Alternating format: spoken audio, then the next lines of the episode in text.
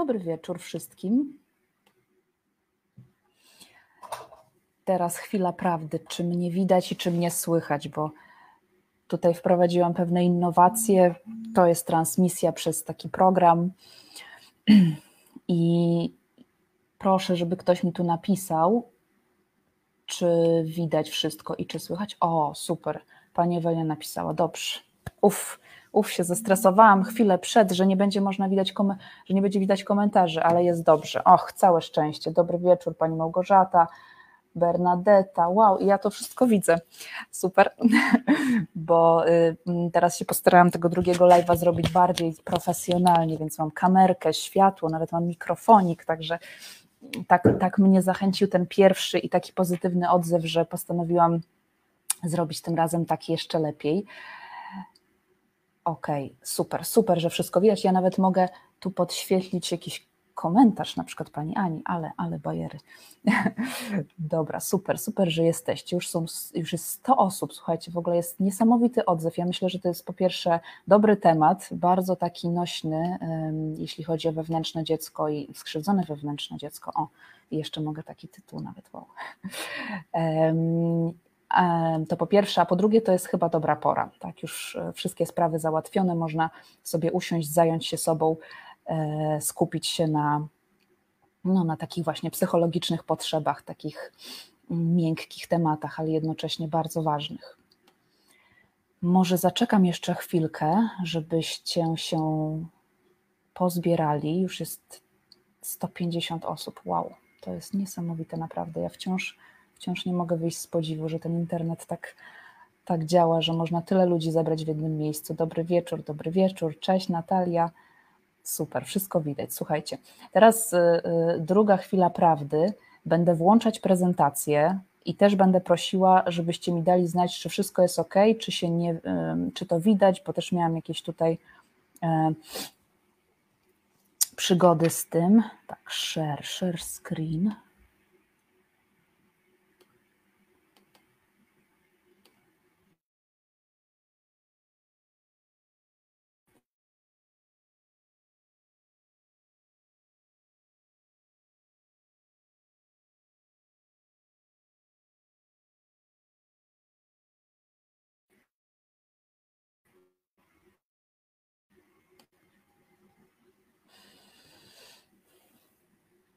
Oj, coś mi się zawiesiło. Mhm. Dobra, odwiesiło się. O matko, co za stres.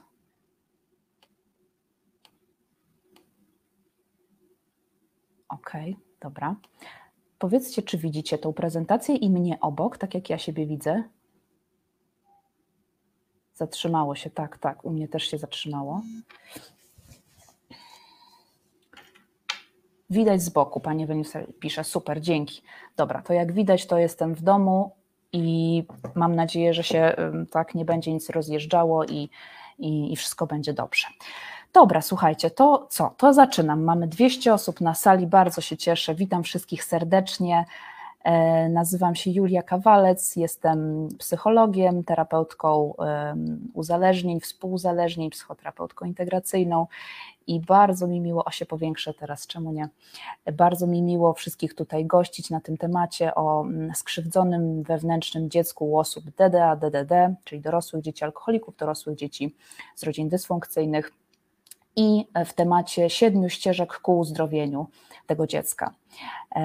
Także zaczynamy. Będę też prosiła, żebyście pisali w komentarzach jakieś odpowiedzi na moje pytania, tak, także ja, ja to wszystko później przeczytam, nie wiem, czy w trakcie nadążę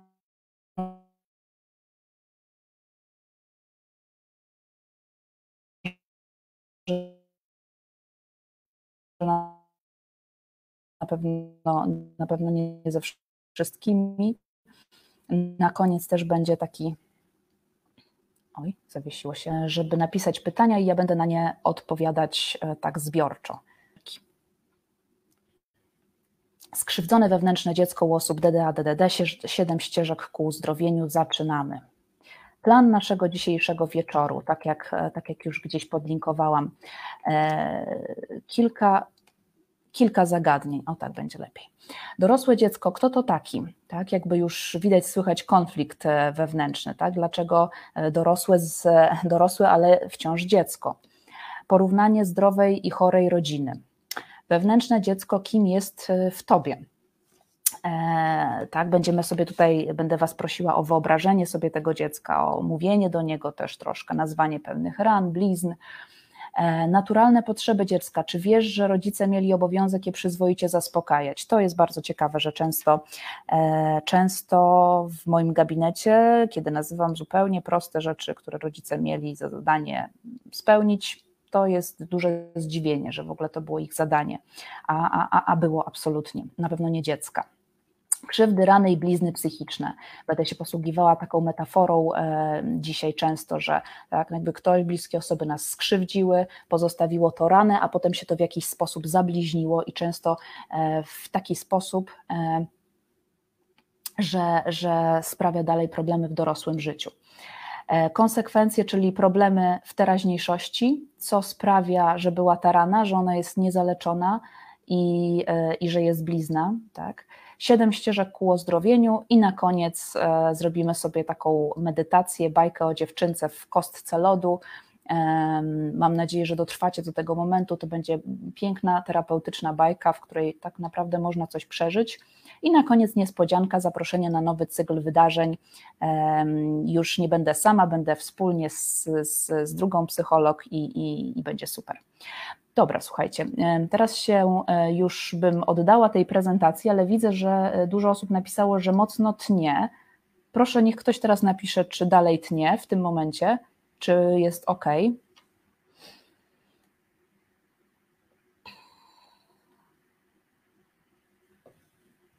Nic nie piszecie, czy to znaczy, że cały czas tnie? Dajcie znać przez jakiś komentarz. Nie?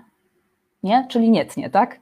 Wszystko jest ok. Dobra, super, dzięki Zosia, że napisałaś. Tak, ktoś zapytał, czy live będzie dostępny. Będzie dostępny, jak się nic nie zepsuje, to, to, to, to będzie dobrze. Ok, u mnie ok, ok, super, uff. Boże, największy stres z tymi technicznymi rzeczami to jest jednak y, dużo gorsze niż cała reszta. Dobra, to się zmniejszam. Y, przewidziałam na to moje y, tutaj mówienie jakąś godzinkę, może być troszkę dłużej, a potem pół godziny na pytania. Jeżeli będą, jak nie, to, to skończymy y, szybciej. E, ok, słuchajcie, na początek taki, e, taki żarcik, to jest konwencja dorosłych dzieci normalnych rodziców i tutaj dwie osoby, widzicie, po to, żeby troszeczkę ten temat zmiękczyć, że tak powiem, czy troszeczkę go odkazić humorem, bo nie chcemy się tutaj koncentrować na potępianiu rodziców, czy e, winieniu ich za wszystkie nasze problemy, tak? bo każdy e,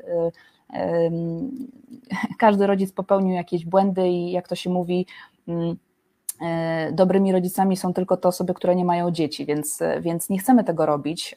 Oczywiście są lepsi i gorsi rodzice w swojej roli, ale ale nie chcemy wykorzystywać tego syndromu DDA do DDD właśnie, żeby, żeby to był taki wytrych na wszystkie bolączki tego świata i wszystkie nasze problemy, bo ani to nie jest e, e, uczciwe, ani to nie jest pomocne tak naprawdę, bo właśnie chodzi o to, żeby wziąć za siebie odpowiedzialność i w pewnym momencie zrezygnować z tej tożsamości, a przynajmniej, żeby ona nie była tak dominująca. Więc ja do tego podchodzę, ponieważ ja pracuję z tym syndromem, jakby uznaję jego absolutnie jego zasadność, natomiast traktuję jako pewne schronienie. Schronienie na pewien czas w celu zrozumienia siebie właśnie, a nie e, usprawiedliwianiu wszystkich problemów. Słuchajcie, takie pytanie, które umieściłam na mojej grupie Odzyskać siebie. Przy okazji, jeżeli kogoś tam jeszcze nie ma z kobiet, to zapraszam. To taka grupa wsparcia, którą od miesiąca buduję, w której już jest prawie 200 kobiet. Jeżeli Ciebie jeszcze nie ma, to serdecznie zapraszam. Umieściłam takie pytanie. Co dziecko, którym byłaś, byłeś, pomyślało o dorosłym, której się stałeś? Myślę, że to bardzo, bardzo konfrontujące, takie e, czułe też pytanie, które niekoniecznie może wy, wyzwolić pozytywne uczucia, e, ale dobrze, zmierzmy się z tym już, już na dzień dobry. I tutaj pozwoliłam sobie umieścić komentarz jednej, jednej z kobiet, e, jednej z pań, który tak bardzo mnie chwycił za serce. Jeżeli tutaj pani jest, to pozdrawiam serdecznie. Anonimowo to wrzuciłam, ale, ale pięknie to pani napisała. Z tej małej, przestraszonej, zastraszonej dziewczynki wyrosłaś na piękną, inteligentną kobietę. Po tylu ciosach nie poddałaś się, mimo że często nie wierzyłaś sobie, wstydziłaś się, bałaś, płakałaś, nie poddałaś się. Teraz nikt ci nie zabroni śmiać się i płakać. Teraz nikt nie postawi ci warunku, dla którego cię pokocha. Teraz możesz być dla siebie dobra, bez wyrzutów sumienia. Teraz ty możesz dać sobie bezwarunkową miłość. Zastanówcie się już e, nad tym pytaniem. Nie musicie tego pisać w komentarzu, to może być zbyt intymne, ale, ale warto zadać sobie to pytanie, co to dziecko, jeśli w ogóle mamy z nim kontakt, o nas myśli. Okej, dorosłe dzieci. Dorosłe dzieci. Kto to taki? Słuchajcie, tutaj taka graficzka, która bardzo, myślę, jest bardzo przemawiająca taki 90-kilogramowy trzylatek, tak? Dziecko w ciele, w ciele dorosłego mężczyzny, czy, czy dziewczynka w ciele dorosłej kobiety. DDA to człowiek pochodzący z rodziny, w której alkohol, albo pod ten alkohol podstawmy cokolwiek innego, co tak bardzo zaprzątało rzeczywistość rodzinną. Przemoc, zaburzenia psychiczne, e, fanatyzm religijny, jakiś e, mocny materializm, tak? Niepełnosprawność któregoś z członków rodziny był problemem centralnym. Zajęty w dzieciństwie walką o przetrwanie w życiu dorosłym ma poczucie, że nigdy nie był dzieckiem. Osoby DDA z jednej strony musiały szybko dojrzeć, ale pod pewnymi względami w dorosłości dalej są jak dzieci. Nawet znalazłam taki komentarz jednej osoby, która napisała: Urodziłam się już, e, urodziłam się już dorosła. Tak, to bardzo dramatyczne zdanie osoby, myślę, która no, nie doświadczyła tej beztroski dziecięcej zaspokojenia pierwotnych, pierwszych potrzeb, tylko tak od razu e, czuła się tak jakoś staro, czy w taki przeciążony sposób. E, dajcie znać w komentarzu, czy jest Wam to znane, tak, że takie szybkie dojrzewanie z Waszych rodzin, mm, czy to jest e, coś, co, tak, coś, co znacie, czego doświadczyliście. Dorosłe dzieci alkoholików, tak już stricte, to dzieci przedwcześnie dojrzałe lub innymi słowy dzieci, których nie traktowano adekwatnie do ich wieku, DDA również. Sama nazwa wskazuje na problematykę. Są to dorosłe dzieci, czyli osoby, u których rozwój został zahamowany, które noszą w sobie wewnętrzny konflikt. Rozwój został zahamowany e, właśnie dlatego, że no nie, nie, nie można było się nasycić, napełnić tą mówiąc ogólnie, miłością od rodziców, tak, zaspokojeniem różnorakich potrzeb, bo już trzeba było się skoncentrować na jakimś problemie albo właśnie na rodzicach. Można powiedzieć, że taki naturalny przepływ uczuć, zasobów jest od rodzica do dziecka, a nie od dziecka do rodzica, a tutaj następowało właśnie często w ten sposób. Dalej, DDA to przedwczesne, przedwczesne, dorośnie, przedwczesne dorośnięcie wiąże się z tłumieniem naturalnych potrzeb, takich jak potrzeba bezpieczeństwa, opieki, zabawy, ekspresji, ponieważ w danym momencie ważniejsze były potrzeby rodziców lub szeroko rozumiana walka o przetrwanie. Ta dysharmonia doprowadziła do przeżywania siebie poprzez pryzmat tego, jakim się powinno być, raczej niż jakim się faktycznie jest. To jest ten konflikt właśnie, tak? Jakby życie właśnie za pośrednictwem maski. Ze względu na to, że tłumione potrzeby nie znikają, dorosłe dzieci wciąż je posiadają nawet w zwielokrotnionym wymiarze. Tak, czyli mm, to nie znika, tak? To, to jest właśnie to wewnętrzne dziecko, siedlisko potrzeb niezaspokojonych bardzo często i to się odzywa często w jakiejś nieprzyjemnej formule albo w sposób dosyć nieadekwatny, właśnie z tego powodu, że to jest takie dziecięce i to jest z przeszłości, nieprzetworzone przez, przez dorosłych. Jeszcze jedna definicja, żebyśmy wiedzieli dobrze, o czym mówimy. Zofii Sobolewskiej-Melibrudy, mojej nauczycielki. Syndrom DDA to zespół problemów i zaburzeń wynikających z destrukcyjnych schematów osobistych powstałych w dzieciństwie, w rodzinie alkoholowej, które utrudniają adekwatny, bezpośredni kontakt z teraźniejszością. Tak? Czyli właśnie kontaktujemy się z rzeczywistością za pośrednictwem naszej roli właśnie, tak? I to jest ten dramat. I powoduje to psychologiczne zamknięcie się w traumatycznej przeszłości, niestety. Tak? Czyli dziecko jest zablokowane, jego energia jest zamknięta, nie ma do tego dostępu, chyba że zrobimy na to specjalne miejsce.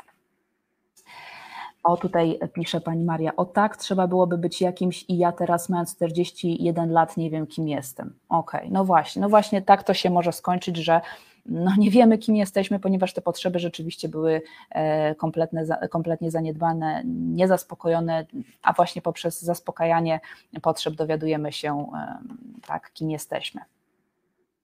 Słuchajcie, zdrowa rodzina, zdrowa rodzina. E, przypomniał mi się taki spontanicznie cytat z Anny Kareniny bodajże, w której ta książka się zaczyna takim cytatem, że wszystkie rodziny są szczęśliwe w jakiś w jednoraki sposób, a nieszczęśliwe na bardzo wiele różnych sposobów. Nie wiem, czy kojarzycie, czy to kojarzycie, ale to bardzo ciekawe, że właśnie nieszczęść jest bardzo dużo różnych rodzajów, tak? a, a szczęście jest bardzo podobne we wszystkich rodzinach i rzeczywiście coś w tym jest. I teraz chciałabym Wam powiedzieć dwa słowa, na czym polega zdrowie w rodzinie, e, tak, żeby było wiadomo, tak, musimy wiedzieć, czym jest zdrowie, żeby, żeby leczyć chorobę. Więc y, no, przede wszystkim tam się czuje bliskość. Tam jest zaangażowanie i przywiązanie, tam się można poczuć rzeczywiście bezpiecznie. Tam dzieci e, mogą e, wzrastać i nie muszą się przejmować rodzicami, bo rodzice się sami sobą zajmują. Tak, są też, no nie wiem, razem często i, i, i poszukują u siebie nawzajem wsparcia, nie w dzieciach. Tam istnieje szacunek dla różnic indywidualnych, tam można być dzieckiem po prostu, więc to, a dzieckiem to znaczy istotą, która się kształtuje, która nie jest doskonała i popełnia masę błędów, żeby się rozwinąć.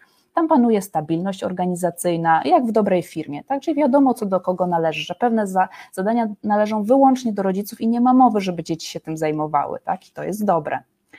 Elastyczność wobec zmian, czyli jak dzieci się rozwijają, to trzeba im dawać więcej wolności, a nie mniej jak to często bywa w rodzinach dysfunkcyjnych, że dzieci są jeszcze bardziej wikłane w problemy rodziców, jeszcze bardziej obciążane nie swoimi obowiązkami.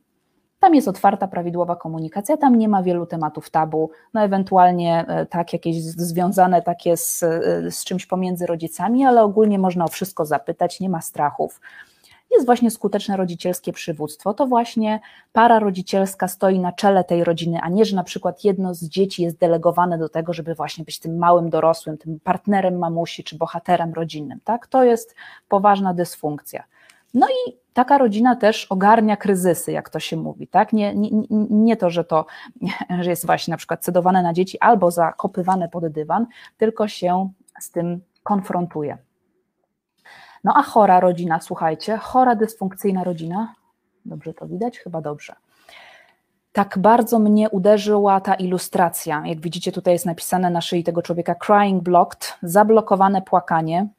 E, założę się, że niektórzy z Was też nie umieją płakać, wychodząc z takiej rodziny. Tak? To jest, e, było zakazane, to było objawem słabości i, i nikt nie chciał um, pokazywać swoich uczuć, bo w chorej rodzinie zasady są niehumanitarne są ustawione, ustanowione dla osoby, która je stworzyła, na przykład dla alkoholika. No to jak alkoholik, tak mówię teraz brutalnie trochę, powinnam powiedzieć osoba uzależniona, jak tworzy zasady, to to, to, to, one są zmienne na przykład, albo są dopasowane do jego sytuacji. No, na przykład dzisiaj nie ma humoru, no to dzisiaj ktoś ma wykonać za niego jakieś tam obowiązki, tak? Albo nie wiem, zająć się rodzeństwem, czy zająć się jakimiś tam sprawami domowymi.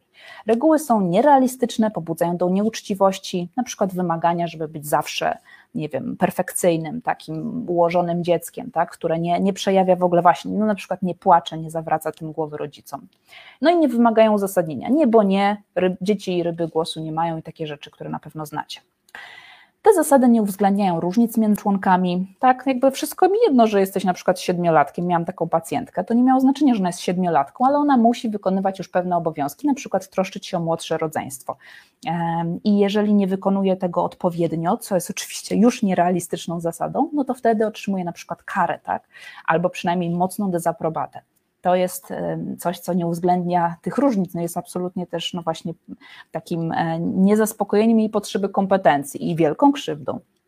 Istnieją tematy tabu, zakaz rozmów na wiele różnych rzeczy, a zwłaszcza na temat właśnie tej dysfunkcji, tego, co tu w tym pokoju w ogóle śmierdzi. Jak to się mówi, właśnie jak się za długo przebywa w śmierdzącym pokoju, to prze, prze, po chwili przestaje się to czuć. I nie można na przykład już w takiej rodzinie o tym rozmawiać, że coś tu śmierdzi, kurczę, zróbmy coś z tym, nie, bo to jest obarczone wstydem e, i, i tak owiane tajemnicą. Zakaz wyrażania autentycznych uczuć, oczywiście role są sztywne, nie zmieniają się, można utknąć w tej roli, dzieci w tych rolach tkwią, dlatego właśnie to wewnętrzne dziecko jest uciśnięte, e, rodzice nie mają kontaktu ze zdrowym poczuciem wstydu. To a propos toksycznego wstydu, o którym mówiłam wcześniej. Jeżeli ktoś nie widział tego live'a, to zapraszam na mojego fanpage'a, można go tam sobie odtworzyć. tak?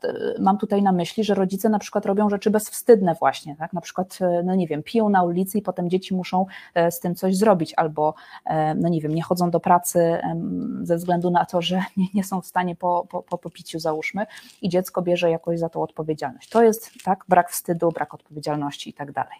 No i się nam kształtuje wtedy dorosłe dziecko. W takim chorym domu jest zanegowanych pięć wolności. Może e, tak pomyślcie, przypomnijcie sobie teraz swój dom i czy któraś z tych wolności była respektowana. E, zakładam, że nie, a przynajmniej nie wszystkie.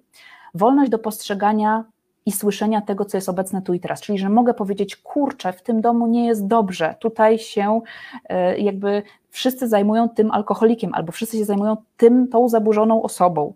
Nie mogę myśleć to, co myślę, nie mogę tego absolutnie powiedzieć, nie mogę tego czuć, nie mogę wybierać też tego, co chcę, bo musi być wszystko podporządkowane y, i nie mogę też wyobrażać sobie swojej własnej samorealizacji, tylko muszę grać tą sztywną rolę na przykład dziewczynki, która jest grzeczna, która nie narzeka, albo bohaterki rodzinnej, albo kozła ofiarnego, który będzie robił problemy, ale to tylko po to, żeby, żeby odciągnąć uwagę od problemu podstawowego w funkcyjnych rodzinach można poczuć się wolnym, tak? Można naprawdę mówić to, co się mówi, i rodzice, uwaga, mają obowiązek to ogarnąć. Mają obowiązek coś z tym zrobić, to nie, nie należy do dzieci, żeby stworzyć taką wolność. Tak? Dzieci przede wszystkim wezmą to, co, to, co rodzic im zaproponuje. Wewnętrzne dziecko. Słuchajcie, popatrzę sobie, ok, idą komentarze, z, zatem rozumiem, że wszystko tutaj gra, mam nadzieję. I to idziemy dalej, słuchajcie, wewnętrzne dziecko, tak, żeby było wiadomo, o czym my tutaj mówimy. Przede wszystkim, słuchajcie, się powiększą teraz to jest, to jest metafora, tak? To nie jest jakaś taka, e, jakiś termin naukowy, czy, czy jakoś super przebadany, to jest raczej taka metafora, która pomaga nam rozumieć siebie, bardzo się sprawdza w pracy terapeutycznej, ludzie to rozumieją, a to najważniejsze, tak? Nie to, żeby posługiwać się jakimś tam naukowym slangiem, tylko właśnie, żeby to przemawiało do serc. To jest część nas odpowiedzialna za uczucia, tak można powiedzieć, albo siedlisko potrzeb lub też suma ważnych, kształtujących doświadczeń w relacji z ważnym innym, czyli to wszystko, co na nas rzeczywiście mocno wpłynęło, nas ukształtowało, e, wywarło na nas rzeczywiście wpływ i w jakiś sposób się zapisało. I teraz uwaga, słuchajcie. E, pierwsza taka moja prośba do Was, żebyście wyobrazili sobie teraz właśnie swoje wewnętrzne dziecko, na jakimś etapie jego życia, Nazwali ją na przykład małą Anią, małym Krzysiem, małą Kasią. Zobaczyć, zobaczcie sobie, jak, jakbyście, jak, jaka postać przed wami staje. Czy bardziej taka z podstawówki, czy jeszcze wcześniej, czy, czy może już taki nastolatek. E, I, e, i tyle na razie. Po prostu spróbujcie sobie to wyobrazić i przy okazji sprawdźcie uczucia, jakie się pojawiają wobec tego dziecka. Mm, to może Was zaskoczyć pozytywnie albo negatywnie. Jak zadaję to ćwiczenie, czy tą pierwszą taką wizualizację na terapii, to e, bardzo często jest pozytywny oddźwięk, to znaczy, że, że, że ludzie czują czułość do siebie, tak by chcieli się tym dzieckiem zaopiekować, przytulić, e, od, odciążyć z tych wszystkich krzywd ale też zdarza się, że osoby mają, czują jakieś zniechęcenie, jakąś awersję, chciałyby coś odsunąć się od tego, tak? Jak coś takiego się pojawia, to też jest ok, tak? To, to, to ważny sygnał, tak? Waszego stosunku do, do siebie czy do swoich potrzeb. Dalej. Różne, jakby są różne koncepcje, które w jakiś tam pośredni sposób mówiły o tym wewnętrznym dziecku bardziej pośrednio lub, pośrednio lub bezpośrednio.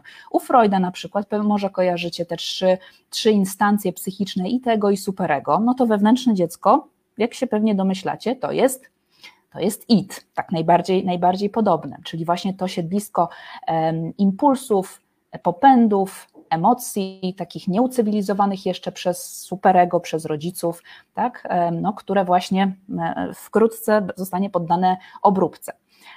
U Berna są takie trzy też stany psychiczne, to bardzo podobne zresztą. Jest dziecko, rodzic, dorosły, no to dziecko, no to właśnie jak to wewnętrzne dziecko.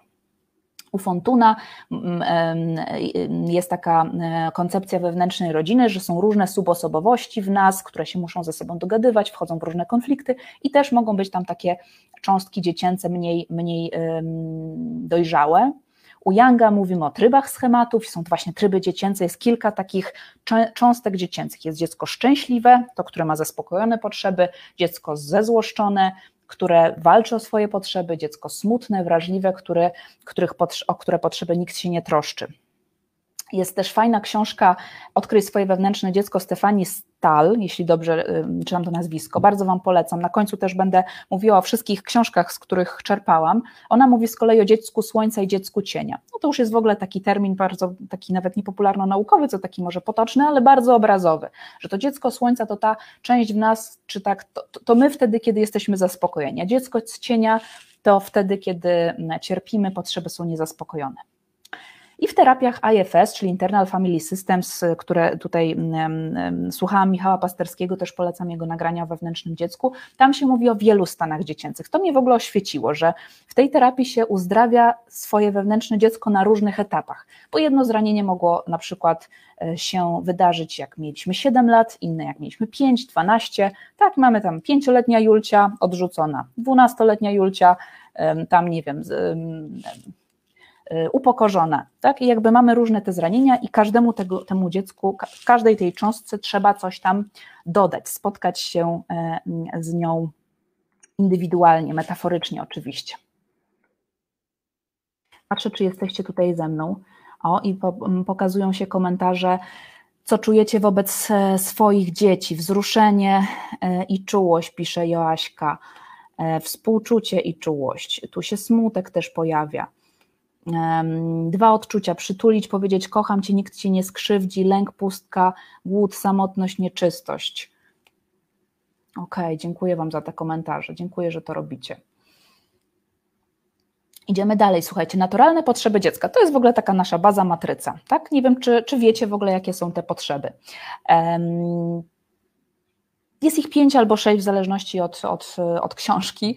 Po pierwsze, słuchajcie, bezpieczna bezpieczne przywiązanie do innych. Takie, to jest to taka totalna baza. Każde dziecko potrzebuje bezpiecznego przywiązania, e, e, miłości, uczuć, tego, że można się tak schronić, ktoś o nas dba, jest zaangażowany w nasz, w nasz rozwój. Po drugie, autonomia, kompetencja i poczucie tożsamości. Każde dziecko też musi czuć, że, że coś ogarnia, że coś dobrze robi. Tak jak właśnie powiedziałam z tym rodzeństwem, jeżeli e, zadaniem dziecka jest E, opieka nad młodszym rodzeństwem, no to już jest ta e, e, jakby zaburzona ta potrzeba, bo tego się nie da zrobić dobrze. Albo jak standardy są za wysokie, tak? Chociaż nie, standardy to przepraszam, to będzie bardziej w, w, w innej potrzebie. Albo, no nie wiem, za, za dużo jest kontroli, to też ta, ta potrzeba jest wtedy zaburzona. Potrzeba wolności ekspresji, czyli wyrażania prawdziwych potrzeb i emocji a nie właśnie tych udawanych, nie tych takich zanegowanych wolności. Potrzeba spontaniczności i zabawy, słuchajcie, to jest naprawdę super ważne, żeby nie utknąć w jakimś pesymizmie życiowym, tak? Później z tego się biorą tam schematy takie właśnie jak pesymizm, jakieś nadmiarowe standardy, e, czy bezwzględna surowość, tak? Jeżeli tam jest, nie można było po prostu się wyluzować i bawić przy rodzicach.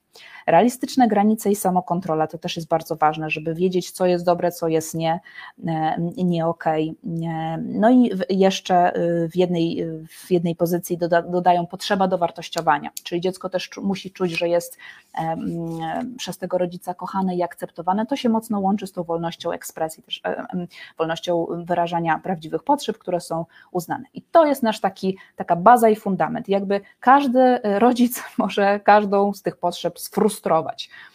No i jakby za, zakładam, że niektórzy z Was mogą mieć teraz poczucie, że właśnie na wszystkich frontach e, w dzieciństwie zostało, e, dzieciństwo zostało skopane przez Waszych bliskich. Zresztą możecie dać znać w komentarzach, która z potrzeb Waszych jakoś czujecie, że najbardziej została zaburzona, złamana tak, no bo dziecko tego samo sobie nie może zapewnić, to jest ten dramat, tak, że, że no nie ma tej niezależności, nie jest właśnie dorosły, żeby móc, e, żeby móc sobie uzupełnić te zbiorniczki, jest całkowicie zależne od, mm, od dorosłego. No ale słuchajcie, bardzo często y, zdarza się, że jakiś mój pacjent mówi, ale ja byłem takim trudnym dzieckiem, takim trudnym dzieckiem, którego się tak łatwo nie dało zaspokoić. E, I to pewnie moja wina. No gdybym był łatwiejszym, no bo moja siostra była taka łatwiejsza do uspokojenia na przykład. Okej, okay, coś w tym jest, no bo każde dziecko jest inne i każde dziecko ma trochę inny temperament emocjonalny. E, natomiast to i tak, bez względu na to, jaki miałeś temperament, jaki miałaś temperament, to rodzic miał obowiązek się dostroić do ciebie, a nie ty do rodzica. Tak? To on miał rozpoznać, czy jesteś bardziej dzieckiem labilnym, czy stabilnym, dystymicznym, czyli takim smucącym się bardziej, tak, pesymistycznym, czy optymistycznym, niespokojnym, czy spokojnym, obsesyjnym, czyli skrupulatnym, czy roztargnionym, pasywnym, czy agresywnym, drażliwym, czy pogodnym, nieśmiałym, czy towarzyskim. To są oczywiście wymiary. To, to nie jest tak, że albo, albo ale to rodzic miał to zauważyć i się dostroić i tak zaspokajać ci te potrzeby. No, oczywiście mogłeś, mogłeś być tym trudniejszym temperamentem, ale to nie ma znaczenia. Taki, taki obrazek, jak, jak głębokie było błoto, zależy kogo spytasz, tak? Tutaj mały piesek, duży piesek, więc jakby na każde dziecko trochę inaczej y, mogły wpłynąć te krzywdy i niezaspokojone potrzeby. Są, y, są y, dzieci bardziej odporne na frustrację, no i te dużo mniej E, które, którym nie trzeba było tak dużo sfrustrować potrzeb, żeby, żeby doprowadzić do jakichś kryzysów. Po prostu jesteśmy inni, ale to nie dziecko miało za zadanie tą swoją inność rozpracować, tylko rodzic. To w końcu on powołał te dzieci do życia. I jest jakaś odpowiedź na zaspokojone lub niezaspokojone potrzeby. Bo tak, rodzic ma za zadanie zaspokoić i jak zaspokoi, tutaj pokażę ten obrazek. Jest, jesteś tak silny jak twoje najsłabsze ogniwo, czyli można powiedzieć, jesteś tak silny jak twoje wewnętrzne dziecko, bo to, to jest naj, najbardziej krucha i wrażliwa część nas. Jak ona jest silna, to możemy góry przynosić. To jesteśmy szczęśliwi właśnie. Więc jak rodzic zaspokaja tak wystarczająco dobrze, jak to się mówi, te potrzeby, nie idealnie, bo, bo, bo to w ogóle się nie da i nie ma sensu, to dziecko jest szczęśliwe. To dziecko jest zaspokojone, radosne, może się rozwijać, nie musi się oglądać, prawda, za siebie na boki, czujne, co, co tu trzeba zrobić, jest szczęśliwe.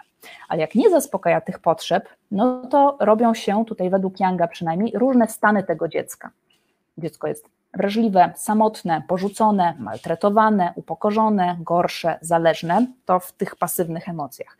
Albo dziecko złoszczące się, które walczy o swoje potrzeby, to znaczy, że jeszcze ma nadzieję, że coś wywalczy albo dziecko impulsywne i niezdyscyplinowane. To takie, które zostało skrzywdzone poprzez nadmiar, bo nie wiem, czy wiecie, że dziecko można też skrzywdzić, dając mu za dużo i za bardzo zaspokajając jakąś potrzebę. I to wcale nie jest dobrze na przykład dziecku, no właśnie, nie stawiać granic, załóżmy, tak, i na wszystko mu pozwalać. No bo wtedy, jak skonfrontuje się ze światem i zorientuje się, że na świecie nie jest tak jak w domu i że nie wszyscy tak szybko go zaspokajają i trzeba poczekać albo zapracować na coś, no to się gorzko rozczaruje i taki może być bardzo niewytrzymały na trudy e, i, no i bardzo nieszczęśliwe przede wszystkim, tak już pomijam jakieś inne konsekwencje. Idziemy dalej. Niech się odezwie John Bradshaw, powrót do swojego wewnętrznego domu. A może jeszcze zanim się odezwie, to ja Wam pokażę książkę, którą bardzo, bardzo gorąco polecam. Powrót do swojego wewnętrznego domu, jak odzyskać i otoczyć opieką swoje wewnętrzne dziecko. To jest w ogóle mm, konieczna lektura dla osób, które chcą się zatroszczyć o swoje wewnętrzne dziecko. Bardzo dobre na początek w ogóle terapii, autoterapii, takiego zajmowania się sobą. Bardzo polecam, dużo z niego korzystam, bardzo go lubię. I teraz cytat, e, cytat, który mi się tutaj bardzo jego e, spodobał. Jeżeli Twoje potrzeby nie były zaspokojone, kiedy stajesz się dorosły, nadal tkwi w Tobie skrzywdzone dziecko, krzykliwe, domagające się zaspokojenia tych potrzeb. A czyni to tak jak każde dziecko. Oznacza to, że pozwalasz niedojrzałemu, emocjonalnie wygłodniałemu dziecku kierować Twoim życiem. Wyobraź sobie, że Twoim codziennym życiem kieruje trzylatek. Czy teraz rozumiesz, jak bardzo skrzywdzone wewnętrzne dziecko komplikuje Ci życie? Tak. Dajcie znać w komentarzach, co o tym myślicie, czy to do Was przemawia, tak? albo e, w jakim wieku jest Wasze wewnętrzne dziecko, e, które, które Wami kieruje, jeśli jest niezaspokojone. Idźmy dalej. Rodzaje krzywd, słuchajcie. Oczywiście krzywdą już jest po prostu niezaspokajanie albo nieadekwatne, albo w ogóle takie chroniczne niezaspokajanie potrzeb dziecka, no ale rodzic też może zrobić dużo gorsze rzeczy. Tak? Może dziecko zaniedbywać w jakiś aktywny sposób, może stosować przemoc emocjonalną, fizyczną, materialną i stwarzać taką ciągłą atmosferę zagrożenia w ten sposób, wytwarzając taki schemat ciągłego bania się, straszenia się później samemu. samemu. W ogóle słuchajcie, to jest niesamowite, ale tak z gabinetu terapeuty mogę powiedzieć, jak bardzo e, często e, zdarza mi się nazwać przemoc przemocą, to nie jest żadne wielkie odkrycie, nie trzeba do tego być psychoterapeutą, ale ludzie się dziwią. Ludzie się dziwią, że naprawdę to była przemoc, że naprawdę to było aż takie złe, no ale przecież byłem takim nieznośnym bachorem, tak? Albo no czasami mi się należał ten klap, już nic takiego się nie stało. Nie, tylko często to wcale nie był klap, tylko rzeczywiście regularne, y, regularne, regularne bicie. I jak to nazywam po imieniu, to często jest zdziwienie, a nazwanie rzeczy po imieniu to jest jedna z dróg uzdrawiania wewnętrznego dziecka, żeby ono wyraźnie usłyszało, że to, co cię spotkało, to była twoja krzywda, nie wolno cię było bić, choćbyś nie wiem, co robił, były inne metody, e, tak, i, i było z tobą wszystko w porządku, to rodzice sobie z tobą po prostu nie poradzili. Tak, ze sobą sobie nie poradzili w, w, jako twoi rodzice. Nadużycia seksualne oczywiście, łącznie z takimi jakimiś, wiecie, e, nie takimi oczywistymi, tylko jakieś takie roznegliżowywanie się, chodzenie nago gdzieś po mieszkaniu, tak, takie właśnie naruszanie granic dziecka, wchodzenie do toalety, nie wiem, mycie sobie rąk, kiedy dziecko jest, jest w toalecie, takie rzeczy, to też jest krzywda, oczywiście, wiecie, to zależy też jak często to miało miejsce, czy tam jakieś incydenty tylko, czy chroniczne, czy jak dziecko mówiło, że sobie nie życzy, to to było respektowane, czy nie, oczywiście trzeba by było tutaj tak poszukać głębiej, ale, ale ogólnie to też jest rodzaj krzywdy. Parentyfikacja, słuchajcie, to taka bardzo podstępna krzywda, czyli bycie rodzicem dla swojego rodzica, zamiana, toksyczna zamiana ról, albo jak to w jednej takiej popularnej książce, wampiryzm energetyczny, czyli że to, to rodzic czerpie energię i soki z dziecka, nie na odwrót. Zaraz jeszcze powiem o tym więcej, bo to jest ważne zawstydzanie dziecka. I tutaj też odsyłam do mojego e, webinaru, live'u e, Toksyczny Wstyd na Facebooku. Jeżeli ktoś jeszcze nie widział, to, to proszę, proszę mm, sobie odsłuchać właśnie takie, takie mm, zawstydzanie, zwłaszcza za normalne potrzeby albo za naturalne instynkty. To jest bardzo wredne, że tak powiem w skrócie. Mm, I to bardzo prowadzi do podburzenia poczucia własnej wartości. Nie ma po, po prostu filaru później, nie ma na czym budować, niestety. Bardzo ciężko się to odkręca w terapii, to muszę przyznać. Ale się da, ale się da, tylko to jest długie. No i nadmiar, słuchajcie, nadmiar, czyli właśnie za dużo, wszystkiego za dużo. Kształtuje się roszczeniowa postawa, nawet mamy taki schemat u Younga, roszczeniowość, brak granic, brak samokontroli, dyscypliny. Od tego się też um, um, nieduży krok do, do używek, do uzależnień, czyli um, jakby brak takiej optymalnej frustracji wobec dziecka, tak? Albo na przykład, no właśnie, zachęcanie go do podejmowania takich ról, no nie wiem, że ty jesteś tutaj po prostu królem świata, tak? Jesteś najlepszy, jesteś naszym dzieckiem, a nam się należą jakieś specjalne prawa. To też taki wykształca narcystyczną postawę też jest krzywdą, e, pomimo że wydaje się być takie, takie kochane, takie, tak, że my dla ciebie tutaj wszystko. Mówiąc w skrócie, toksyczne sfrustrowanie pięciu naturalnych potrzeb dziecka to jego krzywda. Pomyślcie teraz, proszę, nie musicie tego pisać w komentarzach, bo to intymne, jakie były wasze krzywdy, jakie wasze wewnętrzne dziecko doznało krzywdy, zranienia, tak, co je bolało, e, gdzie, gdzie, jest ta, gdzie została zadana ta rana. No tak, krzywda to właśnie ktoś krzywdzi i powstaje rana. I w którym miejscu jest ta rana, tak? w jakiej potrzebie zostało to zadane. Idziemy dalej. I właśnie, krzywda nieoczywista. Słówko o parentyfikacji. Parentyfikacja w rodzinie obejmuje związaną z działaniem lub emocjonalną zamianę ról, w której dziecko poświęca własne potrzeby, uwagi, bezpieczeństwa i uzyskiwania wsparcia w rozwoju po to, po to, aby dostosować się do instrumentalnych lub emocjonalnych potrzeb rodzica i troszczyć się o nie. No w skrócie właśnie, że wskakuje na pozycję rodzica, ponieważ rodzic to wzmacnia i rodzic tego chce. Rodzic jest sam niezaspokojony, jest sam dzieckiem, dorosłym dzieckiem i sobie upatrzył to dziecko, oczywiście nieświadomie na ogół, na takiego swojego zapełniacza tej dziury. No i to jest potworna krzywda, bardzo ciężko się często z tego e, wywikłać, ponieważ łatwiej odrzucić rodzica, który cię bił i który cię nienawidził wprost, niż, mat, niż rodzica, który był dla ciebie ogólnie bardzo dobry i kochany, ale musiałeś go ciągle pocieszać, nie wiem, jakoś zaspokajać emocjonalnie, nie wiem, robić dla niego różne rzeczy, żeby mu poprawić nastrój. To jest y, potężna krzywda i trzeba to powiedzieć sobie e, na głos. Tak? Jeżeli e, robiliście takie rzeczy, to, to, to wasze wewnętrzne dziecko jest skrzywdzone bardzo. Ci autorzy, których nie, nie przeczytam, e, opisują proces rozwoju parentyfikacji w triadzie, czyli mama, tata, dziecko, ujawniając, że już ośmiomiesięczny brzdąc, słuchajcie, może aktywnie uczestniczyć w obniżaniu napięcia i tworzeniu koalicji z jednym z rodziców przeciw drugiemu, kiedy się na przykład kłócą. Zobaczcie, jakie dzieci są wrażliwe, jak szybko wyczuwają, że na przykład czego tu potrzeba w tej rodzinie, tak, potrzeba tu rozjemcy, potrzeba tu terapeuty, kogoś, kto rozbawi, troszeczkę coś zrobi, tak, żeby pomóc, bo ci starsi sobie nie radzą. Nie, dzieci niesamowite mają te radary na oczekiwania rodziców, już ośmiomiesięczne, widzicie? No i to jest, e, jeżeli to się utrzymuje oczywiście, albo się pozwala dziecku na to, żeby się mieszało w te sprawy, to też jest jego krzywda. Tutaj dałam taki rysunek matki z kamienną twarzą, tak? takiej, która nie odzwierciedla dziecka, nie odbija jego uczuć, nie współprzeżywa z nim różnych stanów emocjonalnych, no właśnie dziecko na przykład musi to robić, musi odbijać jej e, tym, tym, kim ona jest, a nie na odwrót. To jest właśnie potężna krzywda.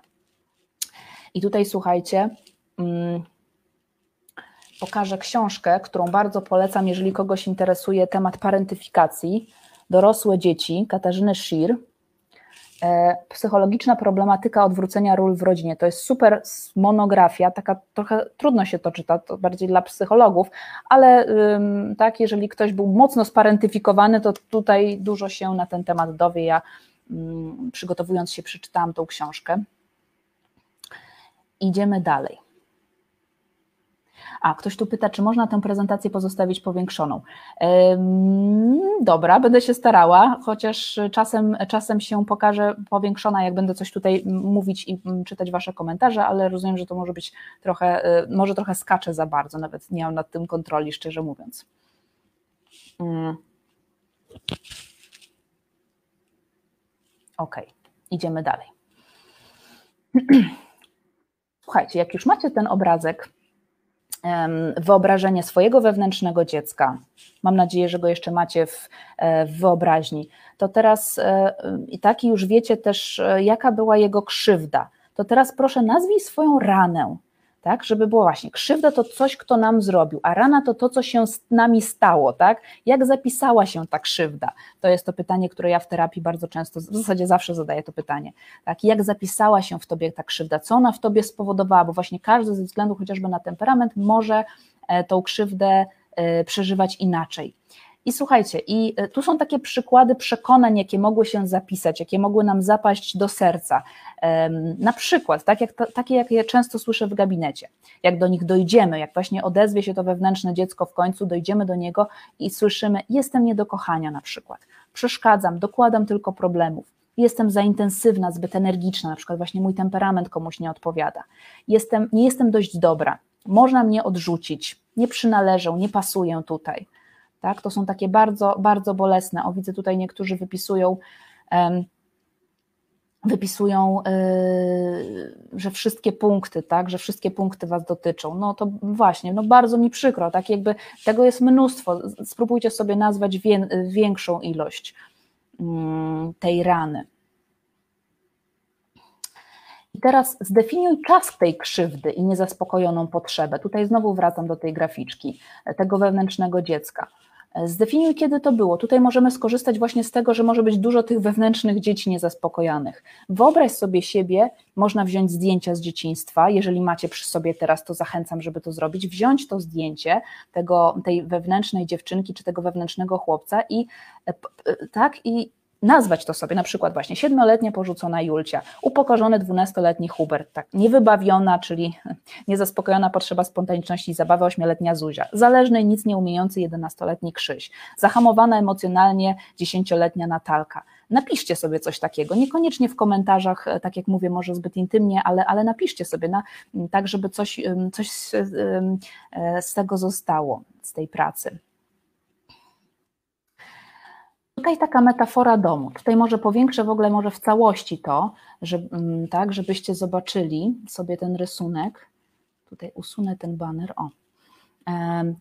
Dostałam kiedyś, e, dostałam kiedyś e, taki rysunek na jakichś warsztatach Huberta Suszka bodajże i strasznie mi to zapadło w pamięć. To, to był warsztat na temat subosobowości, że możemy porównać e, siebie do domu, tak? Jakby jest pierwsze piętro, jest ten salon, tutaj jest wszystko cacy, wszystko widać, postacie e, są różne te, te mile widziane, jest jakaś piwnica i tutaj kogoś trzymamy w tej piwnicy, tak? Te nasze części, których nie lubimy, które, które nam sprawiają kłopoty, które nas wkurzają i tak dalej. No być może tutaj nawet tego nie widać, ale jak się dobrze przyjrzycie, to tam w piwnicy siedzi taka mała dziewczynka, czy tam mały chłopiec, skurczony, zwinięty w kuleczkę, tak? Jako taki symbol właśnie wewnętrznego dziecka, tego wrażliwego, skrzywdzonego. I drugi taki e, czy, czy jakaś postać, która próbuje się tam dobić do, do tego salonu, tak? To bardziej ten stan zezłoszczonego dziecka właśnie, które chce, e, żeby ktoś w końcu je zobaczył. Możecie zadać sobie to pytanie teraz, tak? Jakie moje części są na powierzchni w salonach, bo tymi się chwalę, te pokazuję wszystkim, tak? To chcę, żeby było widoczne, bo z tego jestem dumny. A jakie są w piwnicy i gdzie jest w ogóle wasze wewnętrzne dziecko? Czy jest w piwnicy? A może już jest w przedsionku, a może ktoś już po nie zszedł, jakaś dobra dusza i wyprowadził na, na, na wolność, tak? Czy do góry? a może w ogóle go już nie ma, bo jeszcze jest niżej kilka pięter, tak, gdzieś zostało wyrzucone. Zadajcie sobie to pytanie, jak wygląda ta wasza no, wewnętrzna rodzina czy wewnętrzna przestrzeń? Możecie też napisać w komentarzu, gdzie, w którym pomieszczeniu jest wasze dziecko, tak, gdzie, ono, gdzie ono utknęło, gdzie je zostawiliście. Idziemy dalej. Często w gabinecie słyszę taki, e, taki tekst zamrożone uczucia. Myślę, że to z, z, takiej literatury popularno-naukowej i w ogóle jakoś tak już przeszło do mowy potocznej, że uczucia mogą być zamrożone. I to bardzo ciekawa i dobra intuicja, tak? bo często właśnie uczucia wewnętrznego dziecka były tak bardzo niemile widziane i nieproszone, że zostały aż zamrożone. Bo zobaczcie, tak, mamy takie strefy regulacji emocji. Jak jest wszystko w porządku, to jesteśmy w kuleczce żółtej. Mamy tryb komfortu i spoczynku, jest luz. Tutaj zresztą też właśnie te, ci rodzice, którzy za bardzo rozpieszczają swoje dzieci, za, za bardzo trzymają je w tej, w, tej, w tej sferze i nie dają żadnych bodźców do, do rozwoju. Najczęściej powinniśmy być albo na ogół w tym trybie kontaktu i rozwoju, czyli kontaktu ze swoimi uczuciami i też jakiegoś bodźca do rozwoju, żeby, żeby mm, się, e, żeby dojrzewać. Mnóstwo osób DDA, DDD funkcjonuje stale w trybie walki i ucieczki. No, ciągle trzeba coś zrobić, ciągle coś się dzieje, cały czas trzeba być tak e, w napięciu, ale jeżeli dzieją się już rzeczy naprawdę straszne, traumatyczne i to często, e, takie grożące wręcz życiu i zdrowiu, no to w pewnym momencie dziecko się musi, jak to się mówi językiem mechanizmów obronnych, zdysocjować, odłączyć się od siebie i wpada w tryb zamrożenia i przetrwania. I tutaj uczucia są rzeczywiście mrożone tak? To znaczy, że już się w zasadzie ich nie czuje.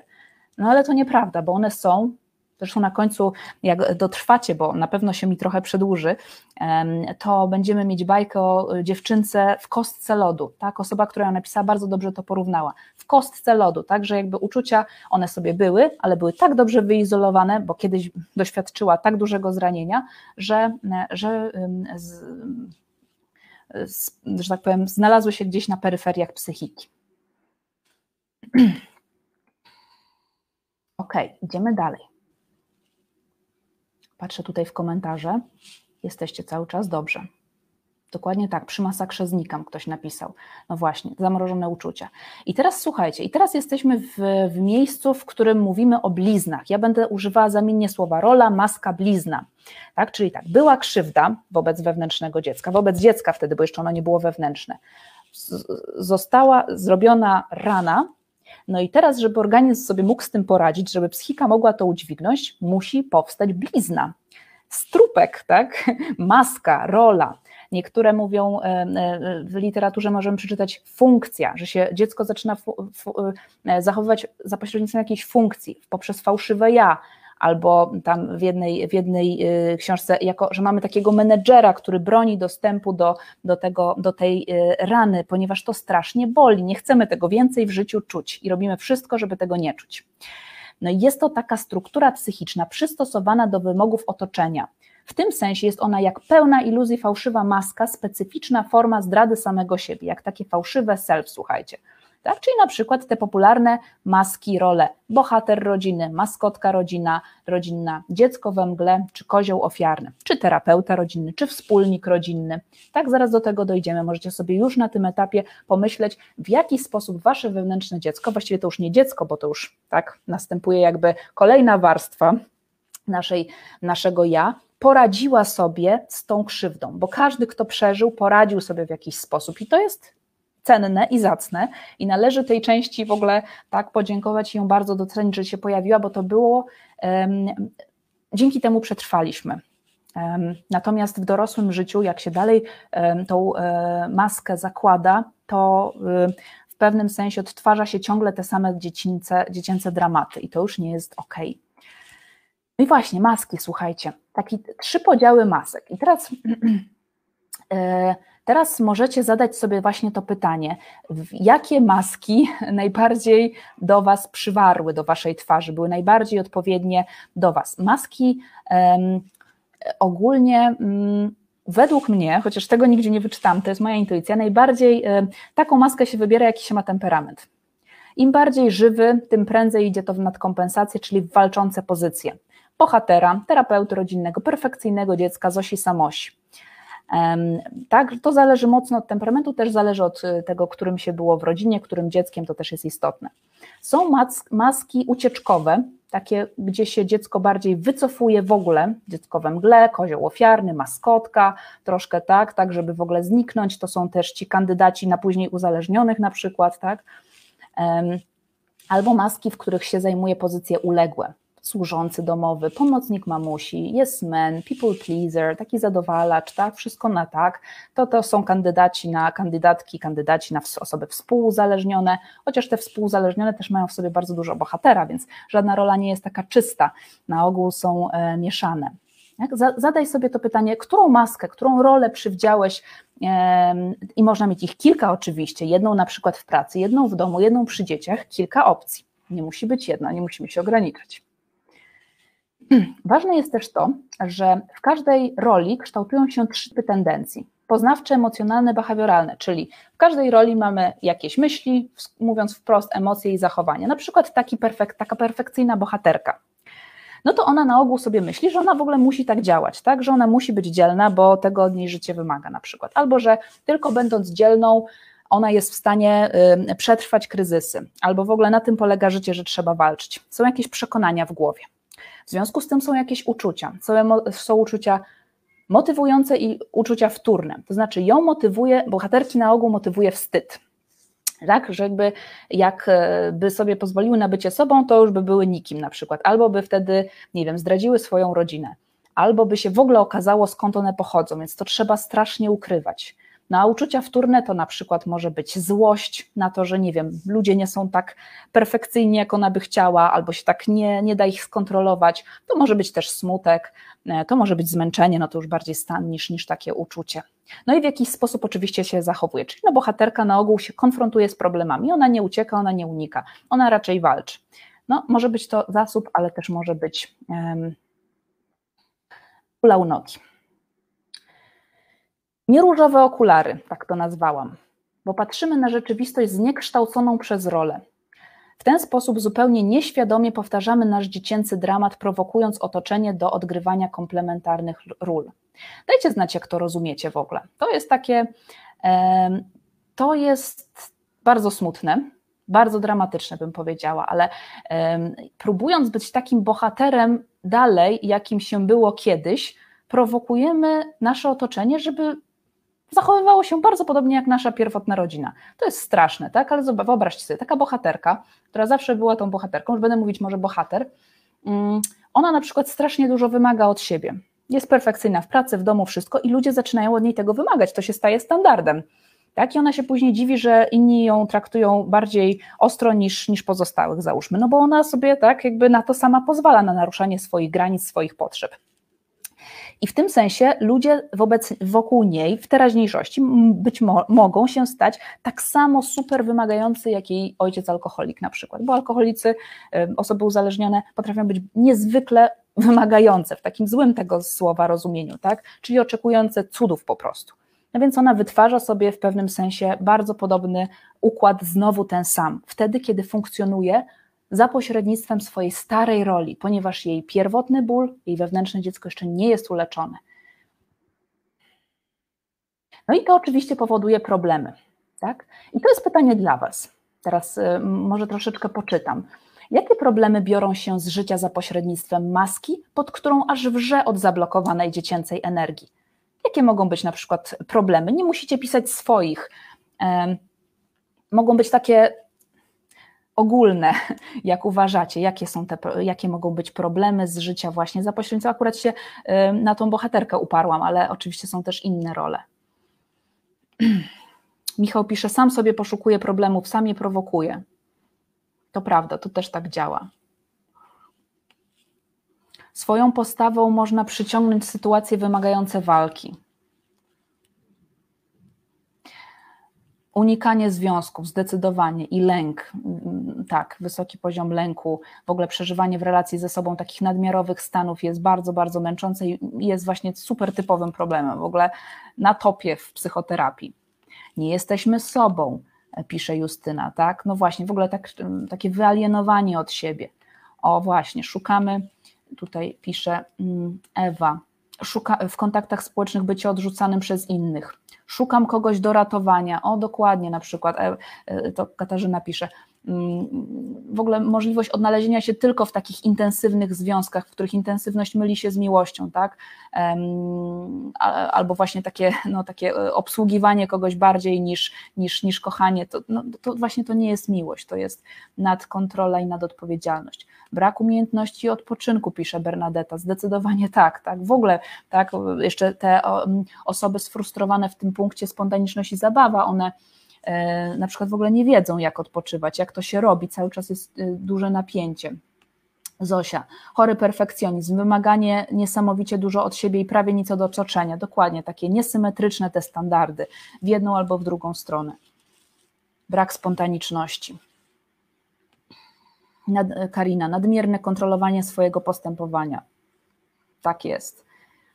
E, funkcjonowanie na biegunach emocjonalnych, oto bardzo ciekawe, dokładnie tak, tak, góra, dół, nie wiem, no, kocham Cię i nienawidzę Cię, tak, e, brak takiej stabilizacji w relacji ze sobą czy w relacji z innymi.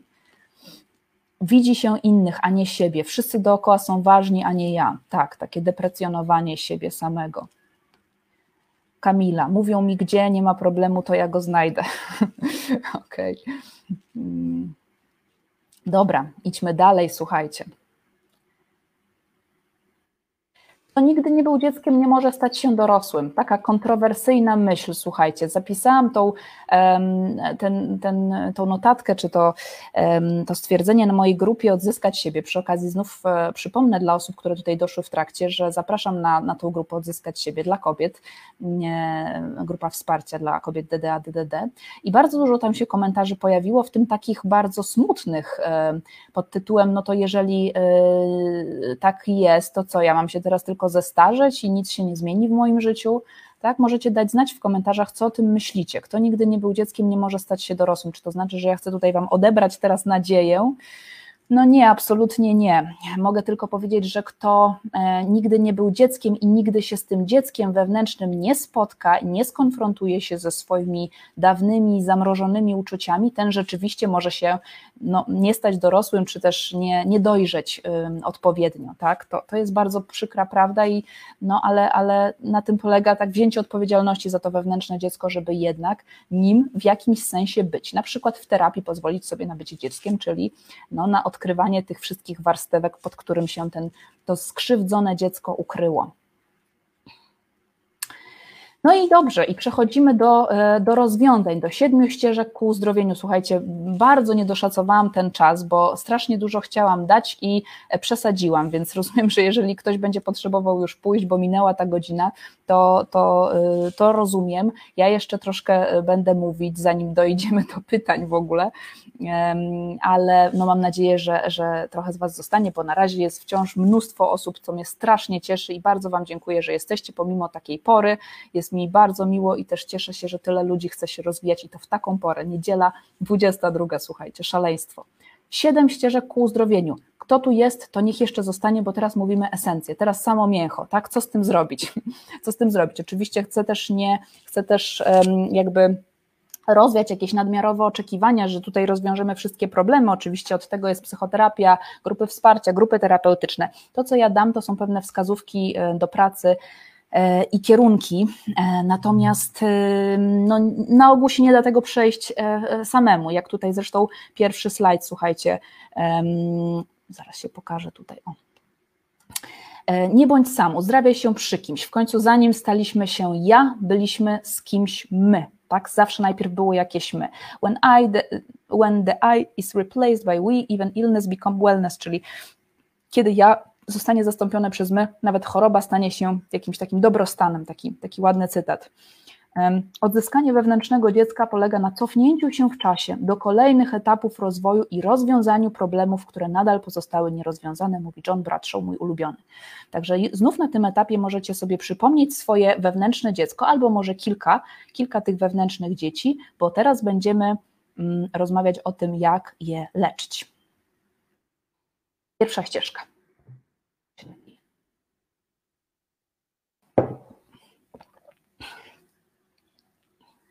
Wewnętrzna harmonia jest wtedy, gdy umiesz o dziecięce niezaspokojone potrzeby zadbać w dorosły sposób. To cała sztuka. Pierwsza ścieżka, moja propozycja, to nazwij swoje obecne problemy. Trochę to, co już robiliście teraz w komentarzach, mam nadzieję sobie gdzieś na kartkach. Nazwij swoje obecne problemy, bo objaw, czyli to, co cię gnębi w teraźniejszości, to niekonstruktywny sposób na zaspokojanie dobrej potrzeby. Czyli na przykład jak ta już bohaterka tak perfekcjonistycznie wszystko robi, od tego jest po prostu zryta, zmęczona i tak dalej. Jej objawem jest to, że no, tak, jest, jest super zmęczona, nie wiem, albo ma dużo lęku w sobie, to ona próbowała e, zaspokoić na przykład swój, swój deficyt w obszarze poczucia własnej wartości, tak? czy w, w kwestii autonomii i kompetencji w tej potrzeby. Ona coś dobrego chce zrobić, tylko niezbyt dobrym sposobem, bo to była jej stara rola to teraźniejszość nas motywuje do zmiany, a nie przeszłość. Nie możemy cofnąć czasu, lecz możemy wyciągnąć wnioski z przeszłości i powiązać ją z dzisiejszymi trudnościami. Tak? Dlatego ja na terapii zawsze mówię, jak ktoś się przeraża tą przeszłością, że będziemy wracać i gadać i o matko i tam ugrzęźniemy po prostu i się zapadniemy w tej przeszłości, to mówię nie, nie o to chodzi. Nie będziemy tam siedzieć dłużej niż to jest konieczne. Mamy...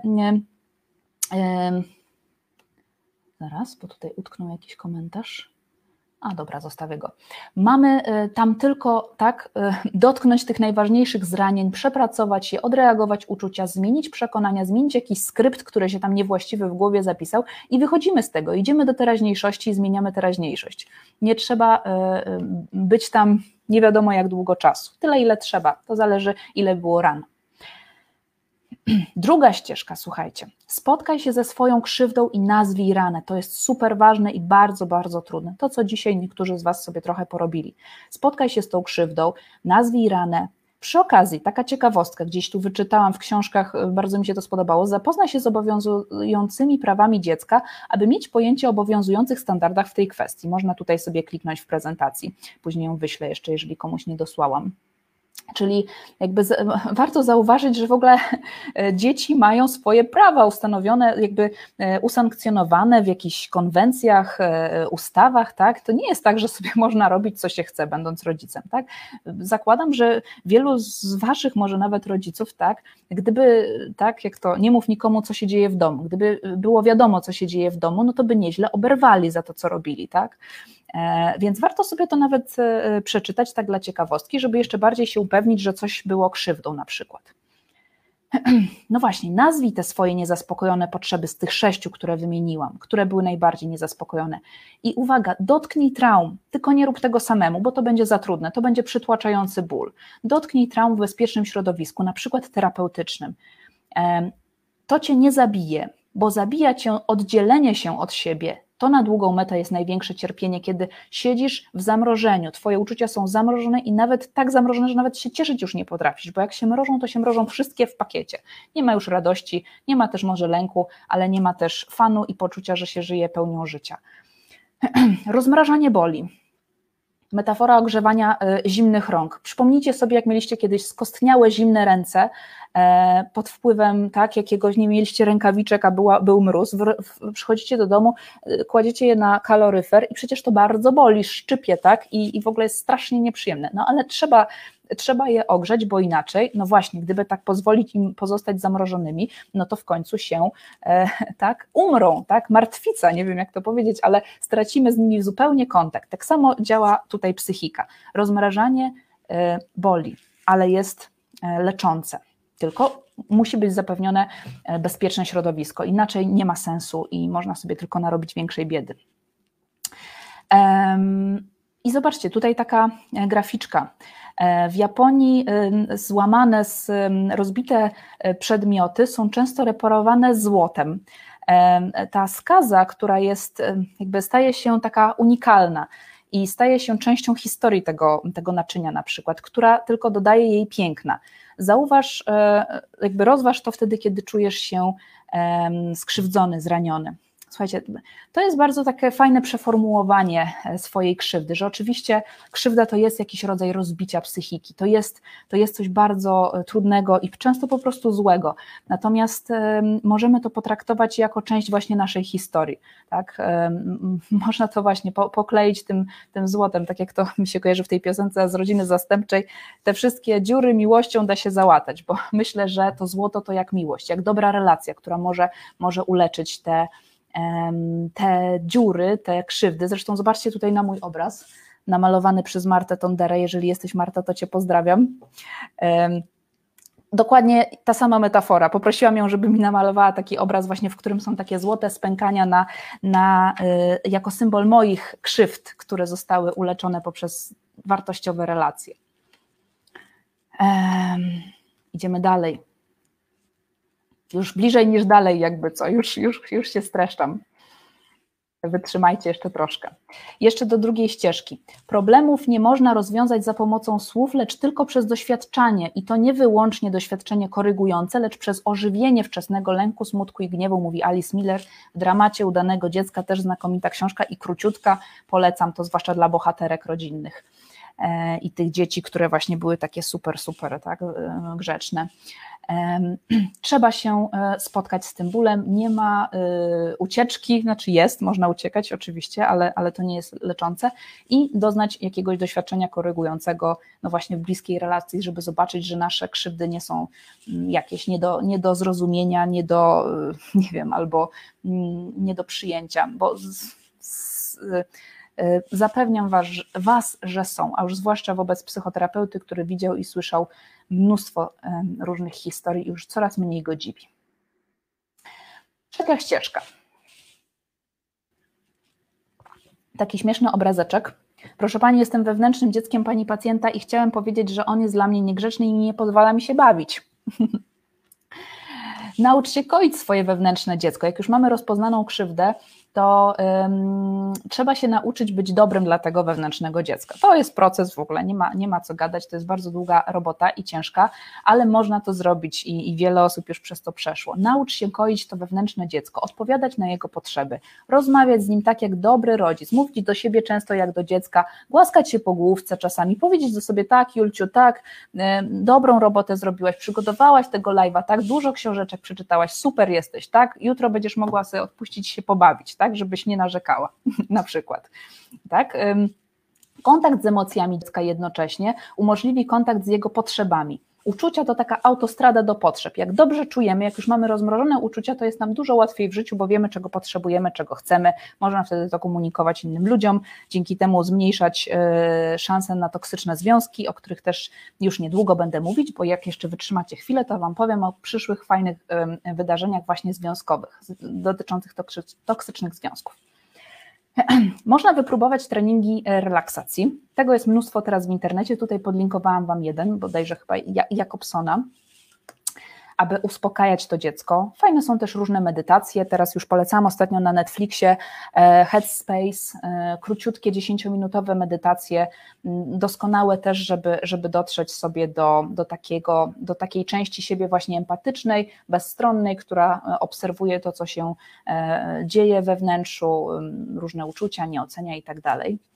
Mm, lub też spotkać się ze swoim dzieckiem w medytacji. Zresztą za chwilkę, jak dotrwacie, to spotkamy się z dzieckiem w medytacji e, o, o dziewczynce, która utknęła w kostce lodu, e, ale są, jest wiele różnych innych, tu też podlinkowałam taką, którą lubię, którą czasami robię moim pacjentom. Można też sobie samemu stworzyć swoją medytację. Wiele medytacji jest też w tej książce, do, powrót do swojego wewnętrznego domu też polecam. Można sobie nagrać to na kasetę, odsłuchiwać wieczorem, tak żeby mieć, e, żeby ktoś do nas mówił. Obiekt przejściowy to też zdarza mi się w terapii zaproponować e, żeby ktoś na przykład sobie kupił jakiegoś misia, jakąś lalkę, jakąś zabaweczkę, która będzie przypominać o tym wewnętrznym dziecku, albo na przykład coś takiego, co bardzo chcieliśmy w dzieciństwie mieć, ale rodzice nam nie kupili z jakiegoś powodu, to jak dzisiaj sobie możemy pozwolić to, żeby sobie to kupić na znak tego, że dzisiaj już my pamiętamy i my jesteśmy odpowiedzialni za to wewnętrzne dziecko. Dajcie znać w komentarzu, czy któraś z tych e, formuł Wam się podoba, coś do Was przemawia, coś może już próbujecie, stosujecie, coś działa, coś nie działa, to jestem bardzo ciekawa, będę, będę czytać później. Czwarta ścieżka. Nazwij rodzaj swojej blizny, maski. Tutaj taka śmieszna, e, śmieszny mem. Tetris nauczył mnie, że jak próbujesz się dopasować, to znikasz. To a propos e, maski na przykład tak, podporządkowanej czy tam tej zadowalaczki, zadowalacza, no, że ta, ta, maska na przykład sprawia, że znikasz. W ogóle w zasadzie każda maska sprawia, że znikasz, bo już ciebie nie widać, tylko, tylko twoją jakąś fasadę. Nie ma ciebie, a w pewnym momencie i ty stracisz kontakt ze sobą, jak za dużo będziesz nosił tą maskę. Maska stanie się twarzą, to jest przykre. Więc nazwij rodzaj tej maski, staraj się od niej zdystansować. Zwróć uwagę też na wyzwalacze, co cię pobudza do przyjęcia maski i do odgrodzenia się w ten sposób od ludzi i często od samego siebie. To jest ważne. W ogóle zachęcam, żeby zrobić sobie to ćwiczenie. E, bohaterki rodzinne, ich wyzwalacze to na przykład jak ktoś sobie lepiej radzi jakaś rywalizacja. Ktoś, e, nie wiem, załóżmy, niech ona ma uzależnionego męża i koleżanka też ma uzależnionego, ale tamten e, poszedł na terapię piękny wyzwalacz do tego, że ja sobie z moim nie poradziłam na przykład, tak? I już jestem gorsza. Albo nie wiem, ona ma jakiś lepszy na niego wpływ, ona tam, nie wiem, jakaś w ogóle sprytniejsza. Ja też tak muszę, prawda? Wyzwalaczę do tej roli. Jeszcze bardziej się będę starać. Twoje uczucia zawsze są prawdziwe, ale mogą być nieadekwatne do tu i teraz. To też ważne, że zawsze trzeba podejść do nich z szacunkiem, ale one mogą wynikać właśnie z dziecka albo z roli. Mm, poddawaj maskę empatycznej konfrontacji. Kiedyś ta maska była dla mnie ratunkiem, ale czy dzisiaj mi jeszcze służy? Musiałam stać się bohaterką, żeby przetrwać to piekło, żeby wyjść na ludzi, ale czy dzisiaj już też cały czas muszę w ten sposób? Stałam się kozłem ofiarnym, nie wiem, byłam bardzo niegrzeczna i sprawiałam ciągle kłopoty po to, żeby tak, nie wiem, wyzwolić się z, z tego alkoholowego domu, po prostu tam nie przebywać, tylko być cały czas na imprezach. Ale czy dzisiaj muszę dalej żyć jak nastolatka w ten sposób? Czy to mi na pewno służy? Im silniejszy jest więzień, tym grubsze mury. Im bardziej skrzywdzone dziecko, tym bardziej trzeba je opancerzyć, tym grubsza może i, i, i, większa być maska. Ale zmiana następuje tylko wtedy, gdy stajesz się tym, kim jesteś, a nie tym, nie wtedy, gdy próbujesz stać się tym, kim nie jesteś. Więc jak próbujemy być tym człowiekiem z maski, w masce, to nie stajemy się niestety bardziej sobą. Tu jeszcze? Jesteście 364 osoby. Cudownie, bardzo się cieszę. Tak, Malwina pisze, już straciłam kontakt ze sobą. O, Małgorzata pisze, ja mam pluszaka, kotka, stosuję medytację wewnętrznego słońca i cienia stal jako psona i piszę listy do małej gości. Cudownie. Aż umieszczę to tutaj, żeby wszyscy widzieli. Teraz jak usunąć ten komentarz? O tak, hajt. Dobrze. Idziemy dalej. Piąta ścieżka. Piąta ścieżka, pożegnanie dziecięcych pragnień. Słuchajcie, to jest bardzo bolesne i w ogóle czasami nie docieram do tego w terapii. Czasami jest to tak bolesne, że nie możemy do tego dotrzeć. Ktoś się nie chce z tym skonfrontować i utyka w tym miejscu. Bo trzeba w pewnym momencie pożegnać dziecięce pragnienia. Na przykład takie, że ktoś będzie mnie bezwarunkowo kochał, że wszyscy będą mnie lubić, jeśli coś zrobię, że gdyby tylko matka w końcu mnie doceniła, to, że ktoś powinien się mną opiekować i brać za mnie odpowiedzialność, albo że ktoś powinien mnie w ogóle utrzymywać, tak? To są dziecięce stany, tak, niedojrzałe, nieodpowie, nieodpowiedzialne, tak, jako, jako dziecko mieliśmy do tego prawo, ale teraz jako dorośli już nie, to będzie nam tylko przysparzać trudności. A zresztą czas, w którym mogło nastąpić prawdziwe nasycenie minął bezpowrotnie, nawet gdyby ktoś nas tak starał się kochać bezwarunkowo, bezwarunkowo to nas to już nie nasyci, a my też nie będziemy umieli z tego skorzystać, to tylko nas uroszczeniowi, tak, sprawi, że będziemy bardziej roszczeniowi, będziemy chcieć tylko więcej i więcej, wcale nas nie uszczęśliwi, wręcz tylko uzależni od tej drugiej osoby. Stajemy się ludźmi dopiero, gdy opuszczamy Eden. Dojrzewamy wtedy, kiedy zdamy sobie sprawę, że dzieciństwo jest za nami. Wracamy do siebie, do pełni naszego człowieczeństwa. Dopiero wtedy, gdy bierzemy odpowiedzialność za teraźniejszość, jak również za wszystkie nasze wspomnienia i sny. Także y, trzeba w pewnym momencie się pożegnać i zgodzić na to, że przeszłość była taka, jaka była, nawet jeżeli była dramatyczna, ale to jest proces i myślę, że wiele spośród tutaj Was nie jest, może nie być jeszcze na tym etapie, więc to jest tylko jakaś perspektywa, że tak, jakby szczęście się pojawi wtedy, kiedy wyjdziemy z tego Edenu, z tego dziecięcego świata. Szósta ścieżka.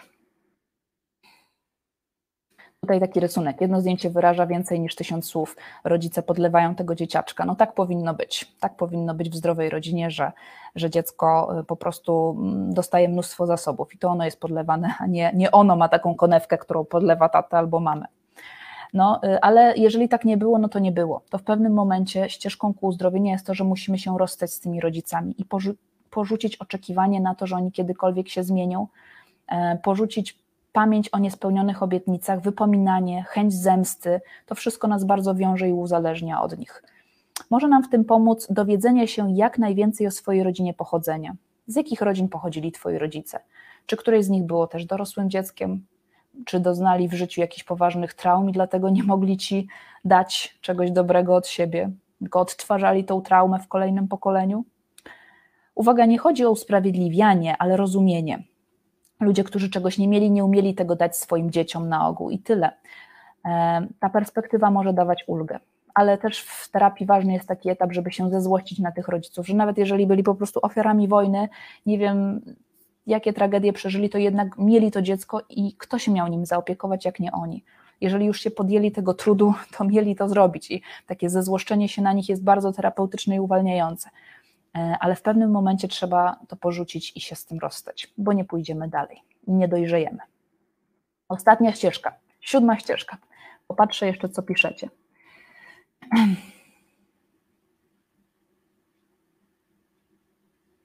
OK, ktoś tu e, pisze, że ja mówię bardziej do kobiet.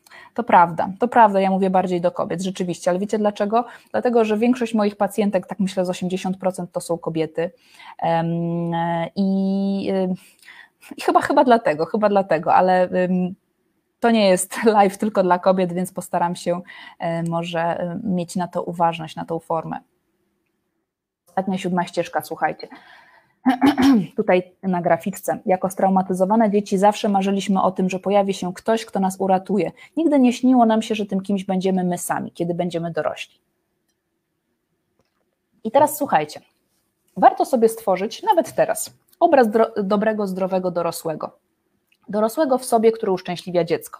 Wyobrazić sobie taką dobrą postać. To może być ktoś, to możecie być wy w dorosłości. Terapii też się robi takie ćwiczenia, właśnie, żeby stać się takim dla siebie opiekunem, albo że ktoś się nami opiekuje, ktoś jest takim zdrowym dorosłym dla nas. Ale pamiętaj, że jeżeli twoje dziecko ma ci zaufać, musisz być godny zaufania i cierpliwy i nie możesz tak na przykład zawodzić, nie, nie, nie spełniać obietnic, tak jak na przykład już e, kiedyś to dziecko doświadczyło. Pamiętaj, że dziecko to tylko część ciebie, jesteś kimś więcej. Nie utożsamiaj się z tym e, w pełni, tylko z dzieckiem. Przyjdzie dzień, kiedy nie będziesz już potrzebował tożsamości DDA, DDD, bo nie będziesz już dorosłym dzieckiem, lecz dorosłym, który zaopiekował swoje dziecko. Tutaj takie ćwiczenie, ale to nie będę tego rozwijać, tylko dla chętnych wyślę, e, wyślę w materiałach. Zresztą, jeżeli ktoś jeszcze nie zostawił mi swojego maila, to na końcu będzie taki link, gdzie będzie można go zostawić. To ja wyślę prezentację, e, rozszerzenie tych ćwiczeń i literaturę dla chętnych osób. Mm, nie piszcie tych maili w komentarzach, bo ostatnio było w komentarzach, prosiłam, czy, czy, czy jakoś tak wyszło i tak nie może być, więc w komentarzach nie piszcie maili, tylko mm, później pod tym linkiem będzie można się zapisać na, na te wszystkie materiały. W ćwiczeniu chodzi o takie rozmawianie z tym dzieckiem z pozycji zdrowego dorosłego, uzdrawianie tej zranionej części poprzez część, która ma empatię znalezienie w sobie i tej empatycznej dorosłej, i tej zranionej małej, i nawiązanie z nimi dialogu. To jest bardzo uzdrawiające też lepiej to robić w towarzystwie kogoś, nie samemu.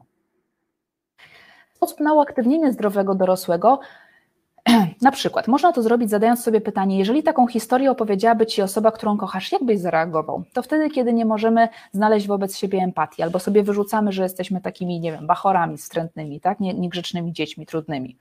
To y, odwróćmy rolę i popatrzmy na samego siebie, jak na osobę, którą kochamy, albo na nasze własne dziecko to wtedy będzie nam łatwiej znaleźć w sobie taką empatyczną pozycję.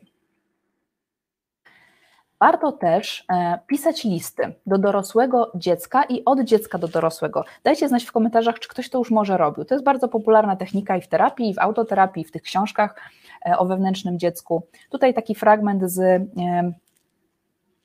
taki fragment z y, Bradshawa znowuż, y, który tutaj w ogóle zaleca, żeby pisać swoją ręką dominującą list y, od dorosłego do dziecka, a niedominującą, czyli w moim wypadku lewą, od dziecka do dorosłego, tak, żeby pisać sobie e, takie wiadomości. Na przykład tutaj, drogi duży Richardzie, przyjdź proszę i zabierz mnie. Od 40 lat siedzę w szafie, jestem przerażona i potrzebuję ciebie, mały Richard. Tak? Czy to nie wzruszające? Napisać sobie kilka takich listów. Specjalne afirmacje na określone zranienie. Właśnie warto sobie wyobrazić tego zdrowego dorosłego. Bradshaw na przykład wyobraża go sobie jako takiego starego czarodzieja, tak, to, takiego dobrego wróża, który e, temu dziecku w różnych etapach jego życia uzupełnia to, czego mu zabrakło. E, ja też mam takie swoje wyobrażenie akurat takiej e, super eleganckiej kobiety, która jednocześnie ma czas na wszystko, jest taka dobra i taka miła. Też mam taką wizualizację tego. Wytwórzcie swoją własną. Ważne, żeby to była, tak jak ważna jest płeć, czy to kobieta, czy mężczyzna, czy to starsza osoba, czy młodsza, czy może ktoś, kto był dla Was dobry w przeszłości, a może już, jest, już macie na tyle dobrego, zbudowanego, tego zdrowego dorosłego, że możecie być nim sam dla siebie w tym wyobrażeniu. I warto sobie stworzyć trochę afirmacji, czyli takich pozytywnych przekazów, kojących te e, niewspierające kluczowe przekonania. Te tamte, wiecie, poprzednie, czyli na przykład jestem nie do kochania. Tutaj przykład takich afirmacji, bo u też afirmacje wysyła się do dziecka w zależności od okresu wieku. Tam to, ta, ta afirmacja jest dla dziecka, które się rodzi. Przeczytam, bo jest piękna. E, i, i, i można sobie coś z niej wziąć. Witaj na tym świecie. Czekałem na ciebie. Tak się cieszę, że tu jesteś. Przygotowałem dla ciebie specjalny pokój. Podobasz mi się taki, jaki jesteś. Nie opuszczę cię bez względu na wszystko. Twoje potrzeby są moimi potrzebami. Poświęcę cały swój czas, by zaspokoić Twoje potrzeby. Tak bardzo się cieszę, że jesteś chłopcem albo dziewczynką. Pragnę się o Ciebie troszczyć i jestem do tego przygotowany. Lubię Cię karmić, kąpać, przewijać i spędzać z Tobą czas. Na całym świecie nie ma nikogo takiego jak Ty, a Bóg się ucieszył, gdy przyszedłeś na świat. Bardzo, bardzo wzruszające, a jak sobie jeszcze sami coś takiego opracujemy, to, to tak, czy, czy może z pomocą terapeuty, to będzie jeszcze takie bardziej personalne. Niech Twoje dorosłe ja znajdzie nowych ojców i matki dla Twojego wewnętrznego dziecka. Ale uwaga, nie w osobie partnera czy swoich dzieci. Może to będzie Twój psychoterapeuta, może to będzie Twój kierownik duchowy, Twój ksiądz czy pastor. Ktoś taki, kto mógłby trochę Ci uzupełnić tych deficytów w takiej pozycji dzisiaj dopuszczalnej i w porządku, takiej, na której się umawiacie, żeby to nie było właśnie takie podbieranie od partnera czy od dzieci, bo to, nie, to jest przepis na, na, na porażkę. Tak, ale, ale ktoś, kto może być dla ciebie dzisiaj takim, takim reprezentantem tego kogoś, kto powinien być w Twoim życiu kiedyś i mógłby coś, coś uzupełnić. No, to jest mega petarda, to ćwiczenie mosty, zmiana skryptów i zmiana oprogramowania. Ja je też dla chętnych wyślę w, w materiałach, wie, więcej opisu do tego ćwiczenia. I, I, też raczej je lepiej robić z kimś, ale można sobie tak troszeczkę um, przynajmniej um, popróbować samemu, na przykład na bazie tego akronimu zrozum, który za, zaczerpnęłam od um, terapeuty Huberta Czupały, która obrazuje kolejne kroki, jakie stosujemy w tej praktyce. O co chodzi w tych mostach? Jeżeli na przykład e, dopadły nas jakieś niezrozumiałe dla nas uczucia, niech to będzie na przykład lęk, tak? Lęk ze wstydem zmieszany na przykład. To bardzo się na tym koncentrujemy tu i teraz. Zastanawiamy się, to jest Z, zakotwiczenie tu i teraz. Rozpoznajemy R, schemat w kontekście sytuacyjnym, czyli co ja teraz na bazie tego zrobiłam, albo co bym chciała zrobić, czy kogoś zaatakować, czy się postarać bardziej, czy uciec natychmiast z tej sytuacji, czy prawda zacząć, nie wiem, histeryzować. Może zrobiłam, może nie. Teraz o, odnie, od, odnoszę się do przeszłości, to znaczy po uczuciach, po nitce do kłębka e, szukam analogicznie albo bardzo podobnej sytuacji z mojego dzieciństwa, w której też się tak czułam. Też czułam podobny miks lęku ze wstydem jak sobie znajdę to wewnętrzne dziecko, mm, dajmy na to siedmioletnią Julię, która właśnie tak się czuła, to zauważam, w jaki sposób ona sobie poradziła wtedy z tamtym schematem. Często jest to bardzo podobny sposób, na przykład uciekła z tej sytuacji. W przeszłości, w, tutaj w wyobrażeniu właśnie, uaktywniamy zdrowego dorosłego. Na przykład wprowadzamy siebie dorosłego do tamtej sceny z przeszłości, albo o takiego czarodzieja Bratszała, który by mógł pomóc temu dziecku na przykład nie uciec, albo zachować się inaczej, zaspokoić w jakiś sposób tę potrzebę inaczej, a nie w taki destrukcyjny sposób. I później wracamy do teraźniejszości i na przykład zastanawiamy się, jak ten czarodziej, ta dobra postać, ten zdrowy dorosły mógłby nam dzisiaj pomóc. Tak? Dzisiaj e, sami sobie możemy w ten sposób pomóc i zaspokoić jakoś tą potrzebę, do siebie przemówić. I potem M, małe kroki w kierunku zmiany tych schematów zachowań. Tak? Czyli jakby dochodzimy do przeszłości, tam sobie robimy małą transformację, i przenosimy te zasoby do teraźniejszości. To w telegraficznym skrócie, ale to jest super ćwiczenie, bardzo warto w ogóle zadawać sobie to pytanie, kiedy nas dopadną takie mocne uczucia, kiedy ja się jeszcze tak czułem poprzednio, jakby co to we mnie budzi, jaką strunę e, czułą poruszam.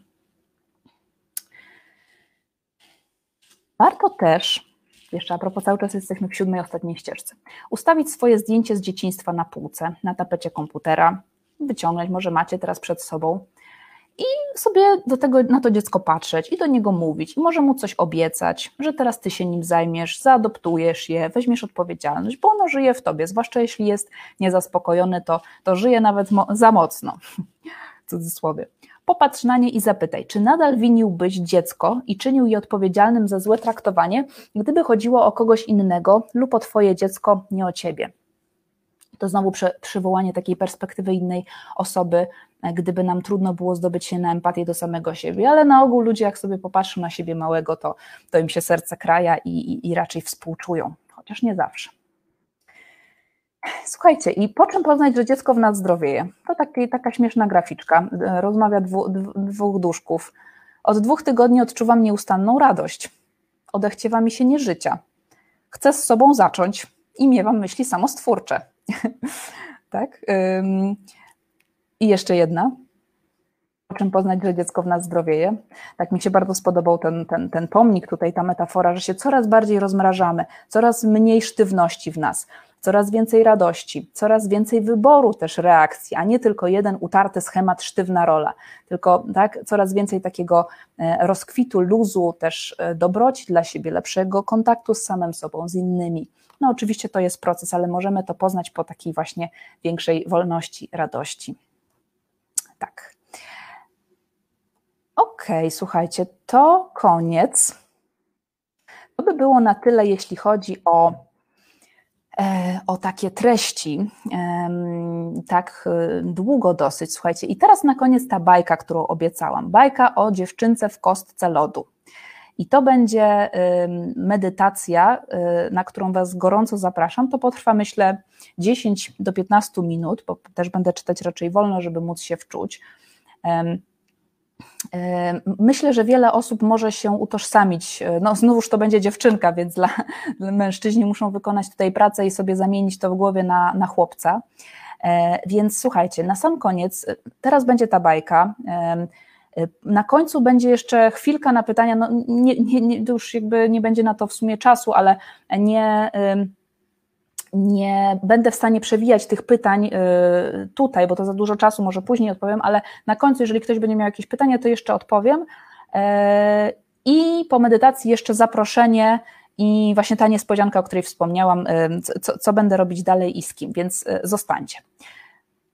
Słuchajcie, takim razie tak, tutaj taki, e, takie mocne obrazy, widzicie te wewnętrzne dzieci w dorosłych siedzą, próbują się dotknąć, próbują się spotkać, ale nie mogą, bo dorośli się nie dogadali i taki, taki przymrożony lodem postać. E, zapraszam, słuchajcie, proszę odłóżcie teraz długopisy, notesy, usiądźcie sobie gdzieś wygodnie, weźcie sobie może herbatkę jeszcze do popicia, jak macie. Mm. I zapraszam na bajkę. To będzie trochę bajka na dobranoc, bo już późno a trochę bajka, znaczy bardziej zdecydowanie bajka terapeutyczna, w której e, zachęcam do tego, żeby przede wszystkim czuć, słuchać i czuć i tyle. Jeżeli u kogoś na przykład pojawią się jakieś silniejsze uczucia, no to mm, niech zrobi coś innego, może otworzy oczy, się rozproszy. Też nie chodzi o to, żeby się jakoś tam bardzo zalać uczuciami. Dobra, zaczynam. Bajka będzie tutaj wyświetlana, ale nie musicie tego czytać, ponieważ będę to robić ja.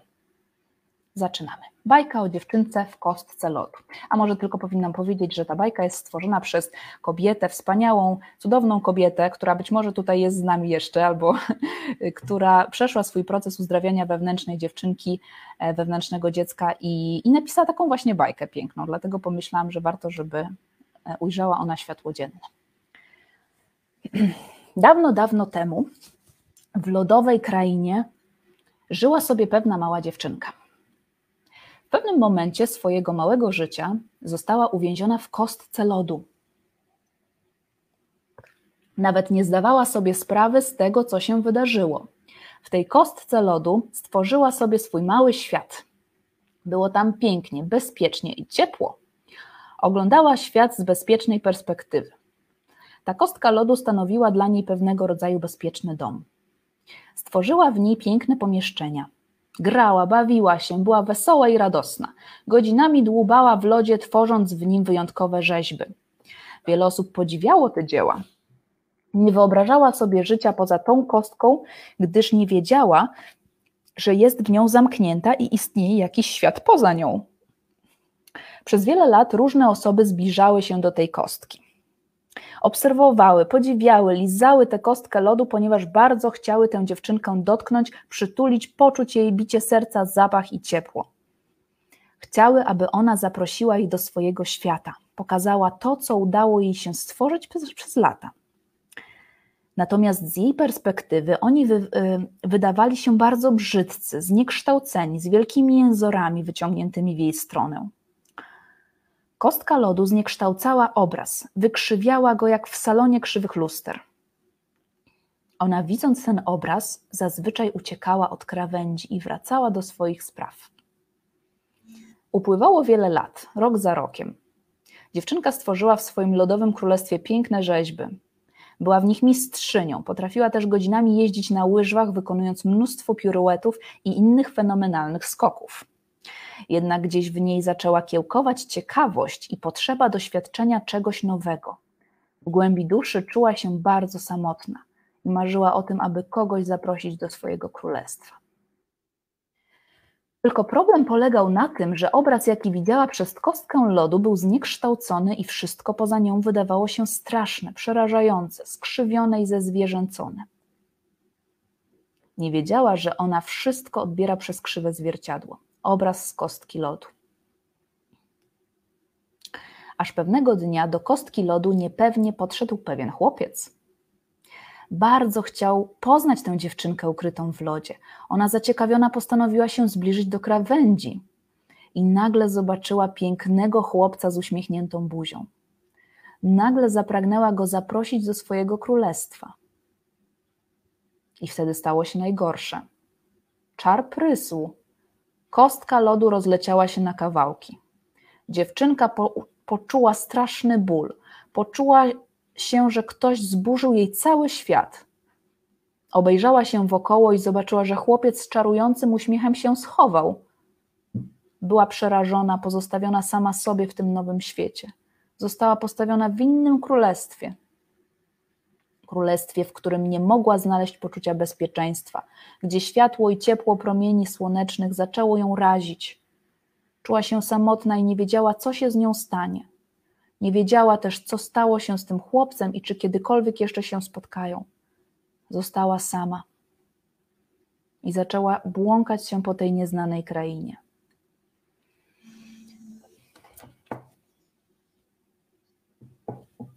Płakała co noc tęskniąc za swoim bezpiecznym kątem. Wiedziała, że coś się zmieniło i że nie wróci już nigdy do tej kostki lodu. Płakała mocno z żalem za tym, co odeszło. Wszystko, co tworzyła latami, rozpadło się na kawałki w jednej chwili. Dziewczyna musiała udać się w daleką podróż w poszukiwaniu nowego domu, nowego królestwa.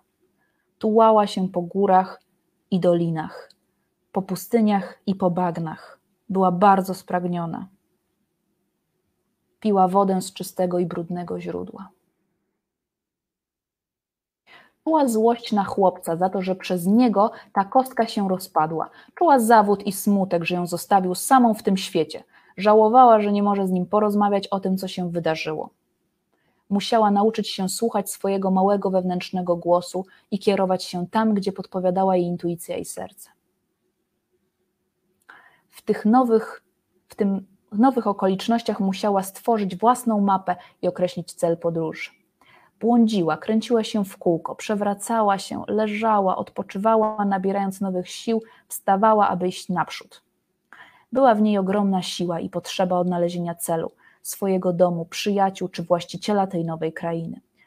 Szła, szła, szła, mając potłuczone kolana od upadku i klęczenia, potłuczone serce od wspomnień, pożyczony umysł od ciągłego myślenia.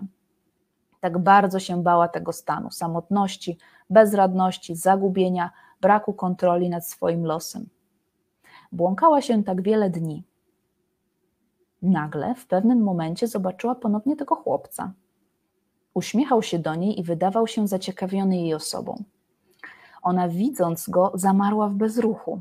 Była wściekła na to, że rozbił jej świat na kawałki i zostawił. Nie ufała mu.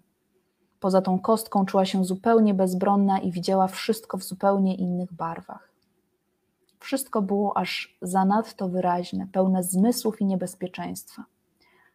Chłopiec próbował zrobić w jej kierunku jakiś krok. Była przerażona. On nie wiedział, co ma zrobić, nie zadbał o to, aby ją otoczyć opieką.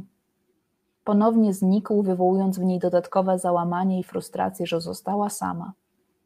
Mała dziewczynka poczuła się opuszczona, złamana, zła i smutna. Chodziła ze spuszczoną głową.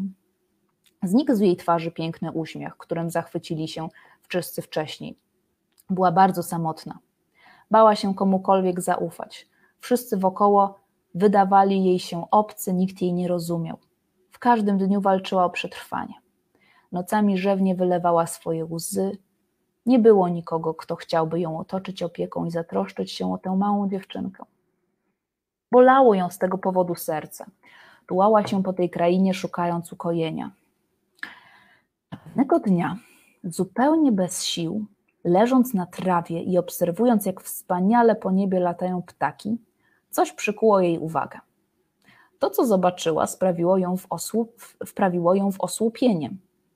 Nad nią stała olbrzymia postać. Była wielka jak King Kong, ale nie była przerażająca. Wyglądała dokładnie jak ta mała dziewczynka, tylko była dużo większa i dużo starsza. Uśmiechała się życzliwie. Wzięła małą dziewczynkę do ręki i przytuliła do serca. Spędziły dużo czasu na rozmowie. Rozmawiały ze sobą dzień i noc. Opowiadały o swoich krainach, o swoim sercu, o swoich marzeniach. Stały się sobie bardzo bliskie. Duża dziewczyna opowiedziała małej, jak całe życie czuła się jakaś niepełna, jak poszukiwała jakiejś części siebie, jaką utraciła, jak bardzo tęskniła za tą małą istotką, którą odnalazła. Dziewczyny płakały rzewnymi łzami, że odnalazły się po latach poszukiwań. Duża dziewczynka obiecała małej, że się nią zaopiekuje, że jej nigdy nie zostawi i nie opuści. Zrobiła dla niej specjalne miejsce w jej dużym sercu, aby mała dziewczynka mogła poczuć się bezpiecznie. Odtąd były nierozłączne i stały się swoimi najlepszymi przyjaciółkami.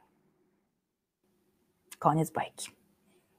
Budzimy się, otwieramy oczy, jeżeli ktoś zas przysnął albo się zrelaksował. Słuchajcie, to metaforyczna bajka o takiej wewnętrznej przyjaźni, o tym, że tak zdrowy dorosły, ta nasza zdrowa, empatyczna część w pewnym momencie, jak wszystko dobrze pójdzie, musi przygarnąć tą, tą młot, to swoje młodsze ja, zaopiekować się, pomimo, że rozmrażanie i rozpadanie kostki bardzo boli, to, to musi nastąpić, żeby, nas, żeby było uzdrowienie. Ok, słuchajcie, i zupełnie na koniec e, jeszcze raz zapraszam na moją grupę wsparcia dla kobiet DDA DDT, odzyskać siebie facebookową, darmową, tutaj jest link, e, wystarczy wpisać odzyskać siebie, powinniście znaleźć też po tym zdjęciu, jeszcze to. W prezentacji jest też link, zachęcam, e, jestem tam codziennie, się angażuję i, i wiele kobiet, które walczą o siebie i odzyskują siebie, no i zaproszenie, o którym wspomniałam, słuchajcie, aż powiększę tak w całości, Zaproszenie. Już w marcu zapraszam Was razem z Maritą Woźny E, psychologiem i psychoterapeutą z Międzyparami. E, zapraszam też Was na jej fanpage. E, super dużo treści i, i, i bardzo cennych informacji na temat związkach, na taki cykl DDA, DDD w związku właśnie. Będziemy miały aż pięć takich wspólnych, współ, wspólnych live'ów na ten temat, więc bardzo wyczerpująco do tego podejdziemy. Ja też po tych, po tych live'ach będę Was, dam Wam też coś konkretnego do, do zaproponowania, taką grupę rozwojową, o której wcześniej wspominałam, ale nie uzbierała się, no, prawie się uzbierała ta grupa, ale zabrakło kilku osób, to ponownie będę e, Was e, zapraszać do niej i myślę, że teraz już wystartujemy, pewnie w kwietniu. E, także bardzo, bardzo gorąco zapraszam. Tu będzie link też do, do tego wydarzenia. Trzeba się zapisać na te webinary, zostawić swój mail. Zresztą, a zaraz w komentarzach też go jeszcze umieszczę.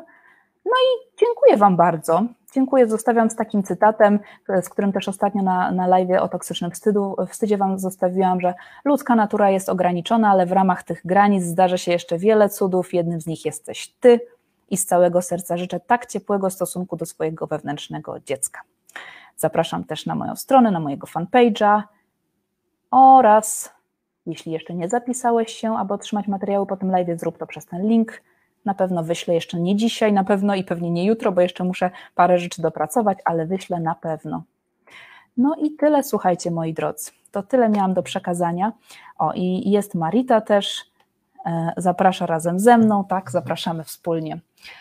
Dobra, słuchajcie, jesteśmy po czasie, ale także tych, którzy idą spać, żegnam, e, przytulam na dobranoc, a też e, jeszcze chwilkę zostanę. Jakby ktoś miał jakieś konkretne, specyficzne pytanie, to mogę się to mogę jeszcze odpowiedzieć, jeżeli ktoś by chciał. Będę patrzeć teraz.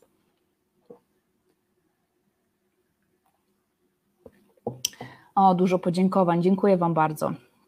Dziękuję, dziękuję, dziękuję. O, ale tutaj miły komentarz sobie podkreślę. Bardzo czekałam na ten live i nie zawiodłam się dużo cennej wiedzy. Dziękuję bardzo, Sylwia. Dzięki, Asiu. Bardzo cenny webinar, super, bardzo dziękuję. No, chyba nikt nie ma pytań, co? To już ta, ta pora, że już nie ma pytań, co? Dziękuję, dziękuję, ale miło, bardzo miło, dziękuję bardzo. Dziękuję.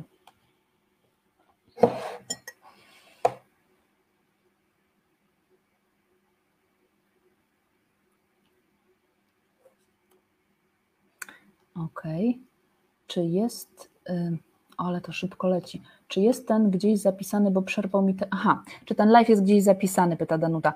Będzie zapisany na Facebooku, tak mam nadzieję, że przez ten StreamYard to, to się zapisze jeszcze, kurczę, bo tak pierwszy raz robię przez ten StreamYard, ale powinno się chyba zapisać, więc wtedy można, można sobie zobaczyć. Mm. O, jest pytanie.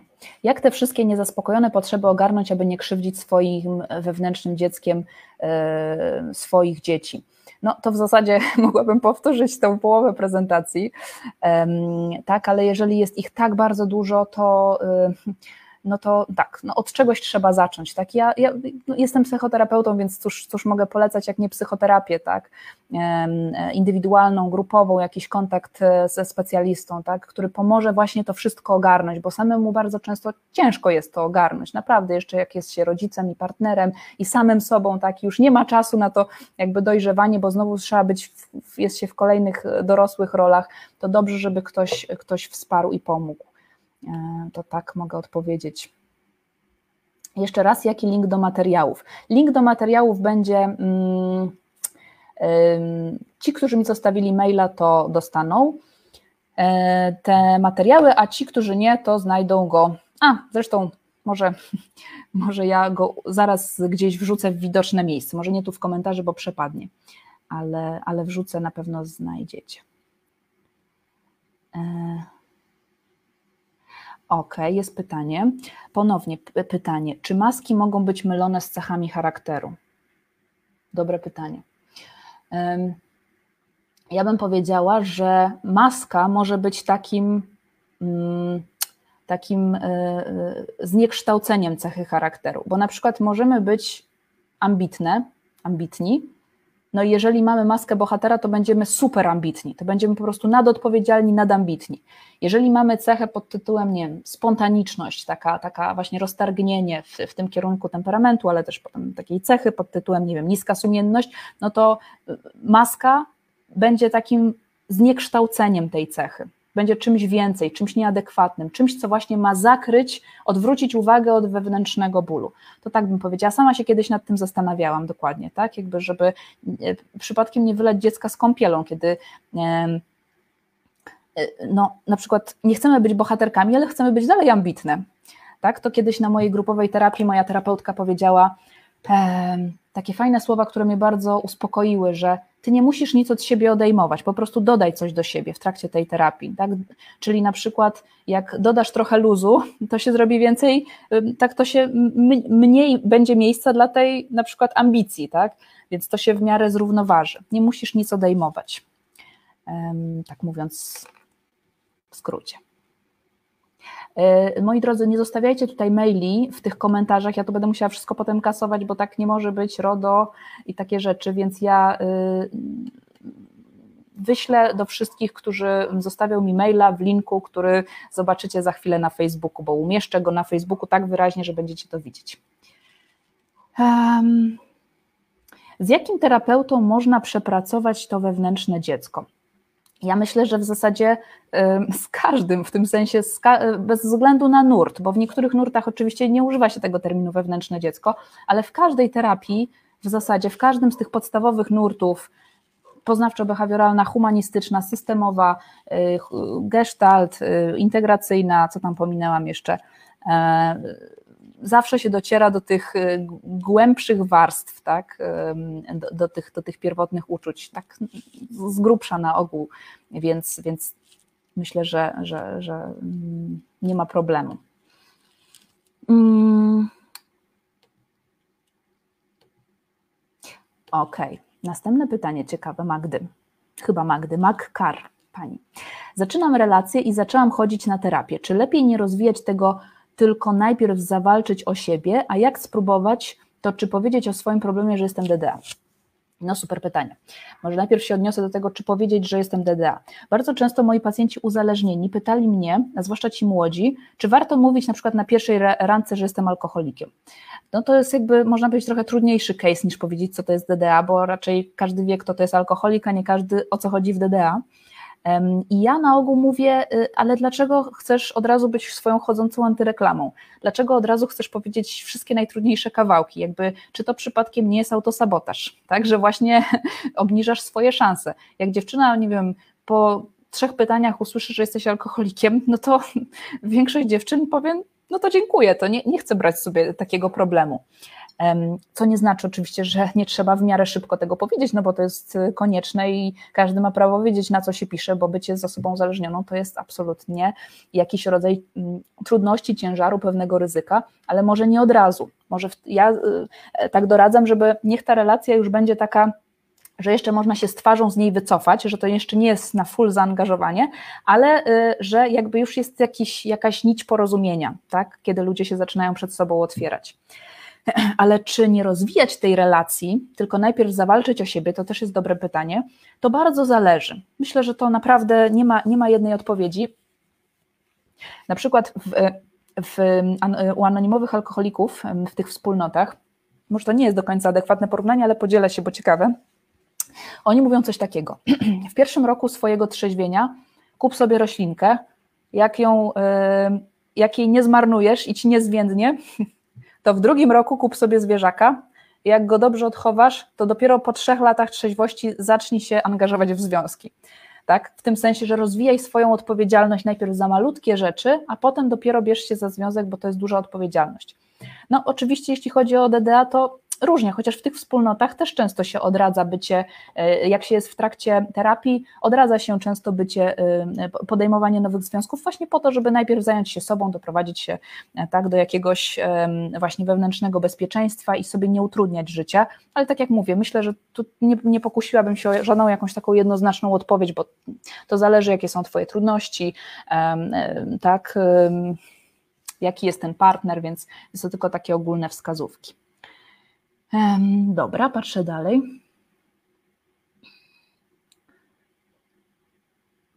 E, tu jest jakieś długie pytanie. Jak rozpoznać, że zamrażanie że zamrażam swoje uczucia. Jestem już po terapiach, ale trudno mi odzyskać radość życia i energię. W ostatnich latach przeżyłam wiele strat i traum i nie mogę wrócić do równowagi. Poza tym trzy pełnoletnie córki są w terapii. Jak rozpoznać, że zamrażam swoje uczucia? Mhm. To y, y, można rozpoznać tak, że rzeczywiście bardzo ciężko jest cię pobudzić do jakiejś reakcji emocjonalnej, żywej. I ja nie mówię, że to musi być super intensywna reakcja, tak? ale no, no różne wydarzenia życiowe, które miałyby prawo przeciętnego człowieka to ucieszyć, to zasmucić, to y, y, y, wprowadzić w, jakieś, w jakiś lęk, no to ty na przykład nie czujesz nic, w ogóle cię to nie obchodzi, nie wiem, spływa, tak to się mówi potocznie po tobie jak po kaczce, nic się nie wzrusza, albo właśnie, że potrzebujesz takich mega intensywnych właśnie bodźców, żeby, żeby poczuć, że w ogóle żyjesz, że w ogóle coś w tym życiu jest ciekawego, tak, to potem można poznać, że, że, że coś jest nie tak, że uczucia są zamrożone. Oczywiście tu też różnice temperamentalne, różnice indywidualne, są osoby, które mają taki próg reakcji, że no, są mało pobudliwe, no ale tak, jeżeli powiedzmy nie zawsze tak było, no to sygnał, że że y, może jest zamrożenie jakieś właśnie.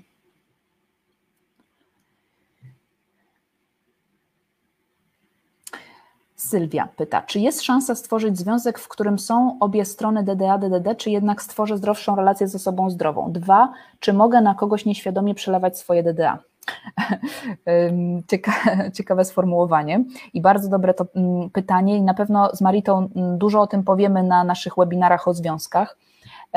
Znowuż tutaj jakby nie byłoby to fair powiedzieć jednoznacznie tak, nie wiem, albo nie to zależy, wiecie, są też różne te poziomy głębokości tego syndromu. Niektórzy no rzeczywiście mieli rodzica alkoholika, nie powiedziałam, powinnam o tym powiedzieć, ale nie mają tego syndromu. Naprawdę nic im strasznego nie dolega, bo na przykład mieli, nie wiem, dobrą babcię, kogoś, kto ich e, zaspokajał gdzieś obok, prawda, albo jakąś dobrą ciotkę i, i nie jest tak, że nastąpiła jakaś totalna destrukcja, ktoś był i, i nie ma tych y, trudności typowych dla, dla tego syndromu, więc to, że ktoś miał rodzica alkoholika, czy zaburzoną, zaburzonego rodzica jeszcze nic nie musi jednoznacznie znaczyć, też tak a propos temperamentu i odpornych dzieci.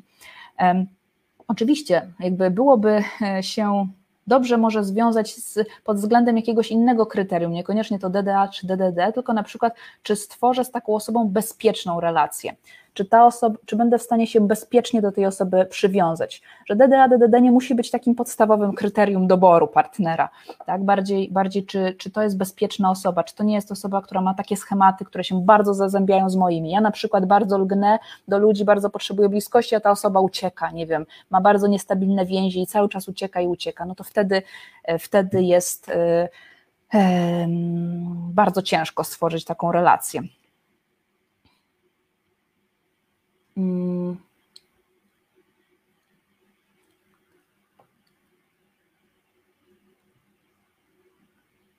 Patrzę jeszcze, patrzę. A czy. Mm,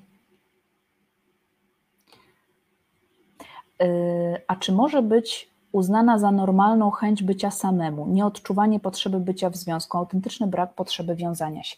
Ja myślę, że tak.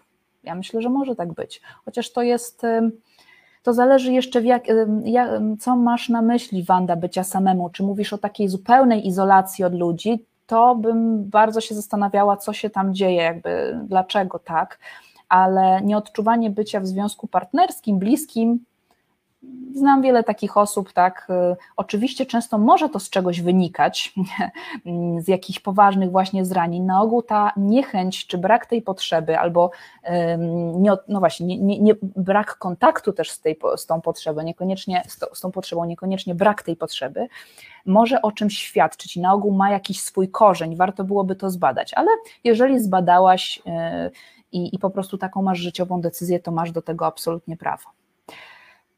Dobra, ostatnie pytanie.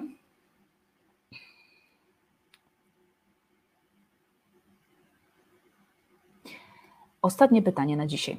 A y, to dobre, a czy jest szansa, że nie czuję wewnętrznego dziecka skrzywdzonego, bo mama okazywała mi dużo miłości? Mhm. E, może być tak właśnie, że któryś rodzic bardzo mocno zrekompensował, tak? Do, dał dużo z siebie i te te rany nie są aż tak bolesne. No, jakby dużo gorzej jest, jak dwoje rodziców e, e, frustrowało te potrzeby.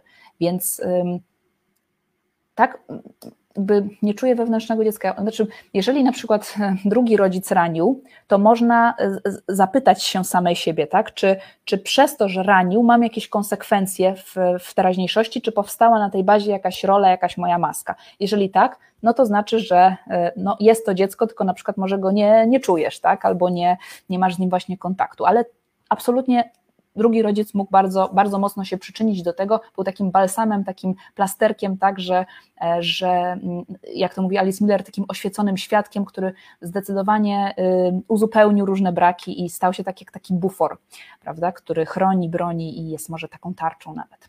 I, e, tak, albo właśnie jak, jak tutaj, jak te spękania e, zaleczył miłością mm, to rozbite, rozbite serce dziecka. Dobrze, kochani, bardzo y, Wam dziękuję za dzisiaj.